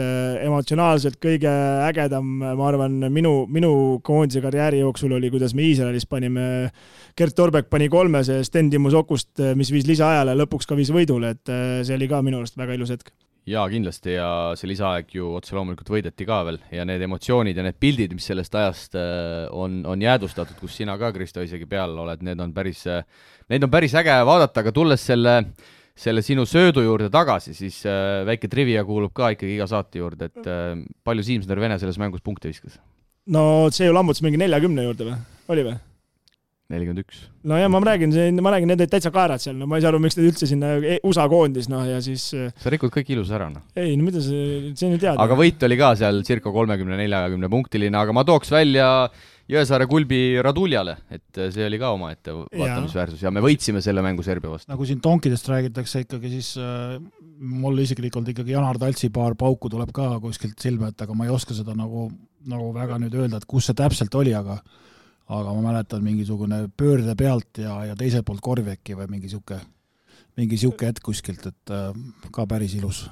eks neid asju ole, jah. aga tegelikult ega meil, kui me nüüd hakkame reaalselt mõtlema, ega meil väga palju neid äh, mingeid suurepäraseid selliseid efektseid korve tegelikult ei olegi. jaa, aga me mängime ju natuke sellist korvpalli, et kuna me oleme teistest äh, akadeemilist. jah, siis me noh, ütleme no, natu, vaidleks... oleme natuke peenemad, siis me peame natuke targemalt mängima ja meil on niisugused võib-olla mitte efektsed korvid, meil on niisugused targad korvid. just. et äh, ma ei tea, jah, meil muidugi mingi USA koondisega meil muidugi siin ei ole vasta highlights'i panna, aga ma arvan, et siin äh, Martin Müürsepp on mõned koputanud omal ajal, mis on videolindile jäänud ja muidugi sellest ajast, kui sõber Endem mängis, võib-olla sealt on ka mõni, aga neid pilte me ei näe. no et... minu arust, kui Eesti mängis kunagi USA-ga ja võitis Kalev-Allis, siis esimene rünnak oli, kui Jaak Salumets ülevalt vajutas äkki no ja, ja no and-, ma ainult juttude põhjal ma tean muidugi, mis Andres sellest, sellest on film küll olemas, et kui me hakkame, kui me nüüd hakkame meenutama, siis kuskil see võis, võiski nii olla, et esimene raksakas käis kohe maast üles ja kohe tehti peeneks. no Müür on ka sealt äh, Kalevi vana ühe pealt ikkagi lajatanud on, äh, on, kõvasti. seal, see on, see on ka jälle toitnud ja et teinekord on seda päris, päris naljakas juba vaadata ja võib-olla see ongi niisugused hetked, mida sa nagu mitte ei, ei jää nautima seda tongi, vaid jäädki nautima seda, et, et jälle tehti vastane lolliks nii lihtsa asjaga, eks ju. no et, meie et... ikkagi sel ajal, mis meie, vaid kui mina seal koondises olin, siis me ikka igat maad ikka loputasime sellega ja sealt on kindlasti ka talts mõne ülevalt alla vajutanud ja ja rääkimata siin metstakid ja noormetsad ka tõenäoliselt, aga aga ma arvan, et üks ilusamaid hetki on see, et ma pilti ei ole, aga Andres on ikkagi rääkinud omal ajal, kuidas ta pani kolmesed sel ajal, kui kolmeseid polnudki, nii et, et see on ka päris imeline hetk, ma arvan. kaheksa pealt ja ta ütles, et ta August Sokk, August Sokk seda mängu ei pannud, CSKA-ga mängisid, olid kümnega maas, ta pani minutiga kaks-kolmest koputas ära kaugelt, no ma ütlesin, Andres sel ajal ei olnudki kolmest, ütles, et no ikka väga kaugelt oli, oleks pidanud olema, no läks kahesena kirja no vägev, tervitame igatahes äh, Padarru äh, Andrest ja, ja lähme siit kolmanda küsimuse juurde. Meelik küsib, tere mängumehed, aitäh huvitavate saadete eest. mängumeeste podcasti kuulates tekkis mul küsimus meeskondade telgitaguste ja mänedžeri rolli kohta Rapla meeskonna manager Jaak Arpi jutust on jäänud mulje, et tema laualt käib iga suvi läbi tuhandeid kandidaate, keda võistkonda võtta ja kogu valikuprotsess on manuaalne. kuskil nurgas on tahvel, kuhu lisatakse sobivad kandidaadid ja kust neid siis ringi liigutatakse. kas on olemas mingeid tööriistu, mis meeskonna komplekteerimist võiks hõlbustada, kas meeskondadel on ligipääs andmebaasidele, kus mängija varasem statistika, vigastused, palgasoov, videod ja muu selline on üles laetud. kui palju erineb komplekteerimise protsess Euroliiga ja Eesti meistriliiga võistkondade vahel, jättes rahalised võimalused kõrvale? Jätkake ikka sama energiaga, aitäh, tervitades Meelik. no Priit, sina ilmselt oled selle poolega kõige paremini kursis, ma tean, et Tartus sa ise ka väga palju mängijate nii-öelda otsimisega, skautimisega tegelesid, et kuidas need lood siis täpselt on? noh, ma arvan, et tuleme, hakkame siin algusest peale, et ega Jaak Karbi laua peal võib neid nimesid palju olla, aga ma arvan, et osa, enamus nimesid võib-olla, no ma ei oska öelda, kas enamus, aga no eeldame, et, et palju nimesid toob ju sinna ikkagi ka Toomas Annuk, et et noh, siin on erinevad, erinevad asjad, et on, on selliseid võistkondi, kus ainult äh, mänedžer tegeleb selle asjaga, on selliseid võistkondi, kus äh, treener tegeleb selle asjaga, paremad võistkonnad tegelevad selle asjaga, kõik äh, need üleloetud persoonid koos. kuidas infot kogutakse, no kõige lihtsam on Eurobasket, seal ostad endale koodi, seal saab päris palju, päris palju infot teada, aga Eurobasket on selline lehekülg, kus on tegelikult nagu agentide nii-öelda jutud kirjas ja siis noh, seal on need lood väga ilusad kõik. aga no protsess näeb välja nii, et, et äh, rahanumber, positsioon, hakatakse siis vaatama, millisel kohal keda vaja on, kes omavahel sobivad ja siis hakkab see uuring pihta, noh, tuttavad treenerid, tuttavad agendid, tuttavad mängijad, küsitakse kõik asjad läbi ja siin paar saadet tagasi sai öeldud, et kus Algeris alustas, alustas siin näiteks eelmist hooaja ka, et, et kakskümmend nime oli, keda taheti saada ja, ja lõpuks sa saad sealt kahekümnendast, üheksateistkümnenda, kahekümnendat, kõik ülejäänud eestpoolt ostetakse kogu aeg ära ja ja tõmbada ka järjest nimesid maha ja siis sa pead ju selles valguses ju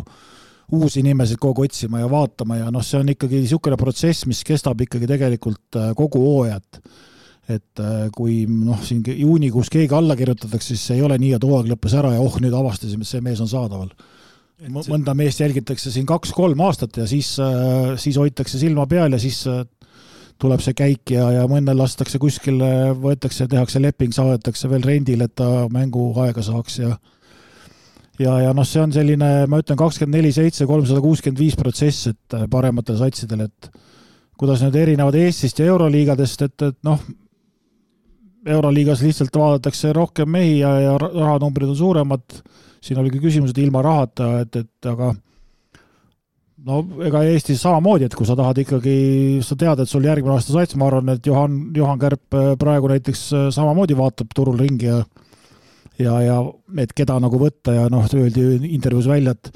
tahetakse nelja Eesti koondise nii-öelda liiget või kandidaati palgata, et, et noh, siis äh, kuskilt peavad need ju nimed juba välja olema toodud, et noh, tahad nelja, kindlasti sa neid esimest nelja ei saa, sul peab olema vähemalt kaheksa-kümme nime, et, et sealt see neli kokku korjata, et et selline, selline tegevus see on.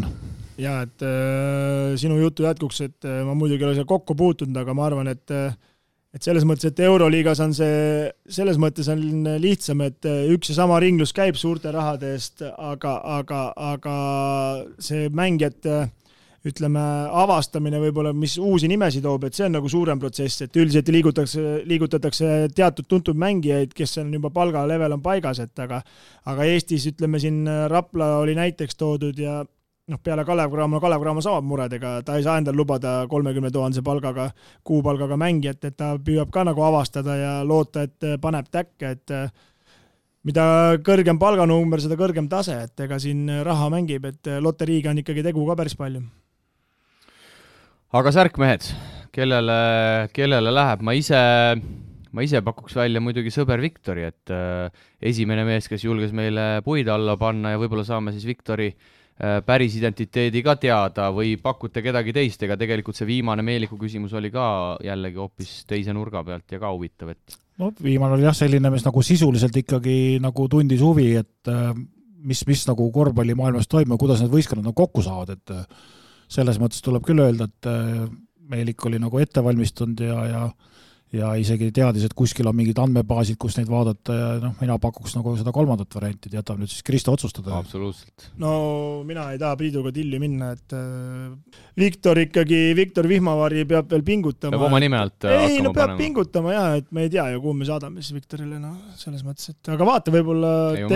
andmebaasist otsi, andmebaasist otsi välja, võib-olla on Viktor Vihmavari olemas ka. et kui võib-olla, et siis annab oma identiteedi välja, aga, aga olgu, ei, see ei saa absoluutselt siin äh,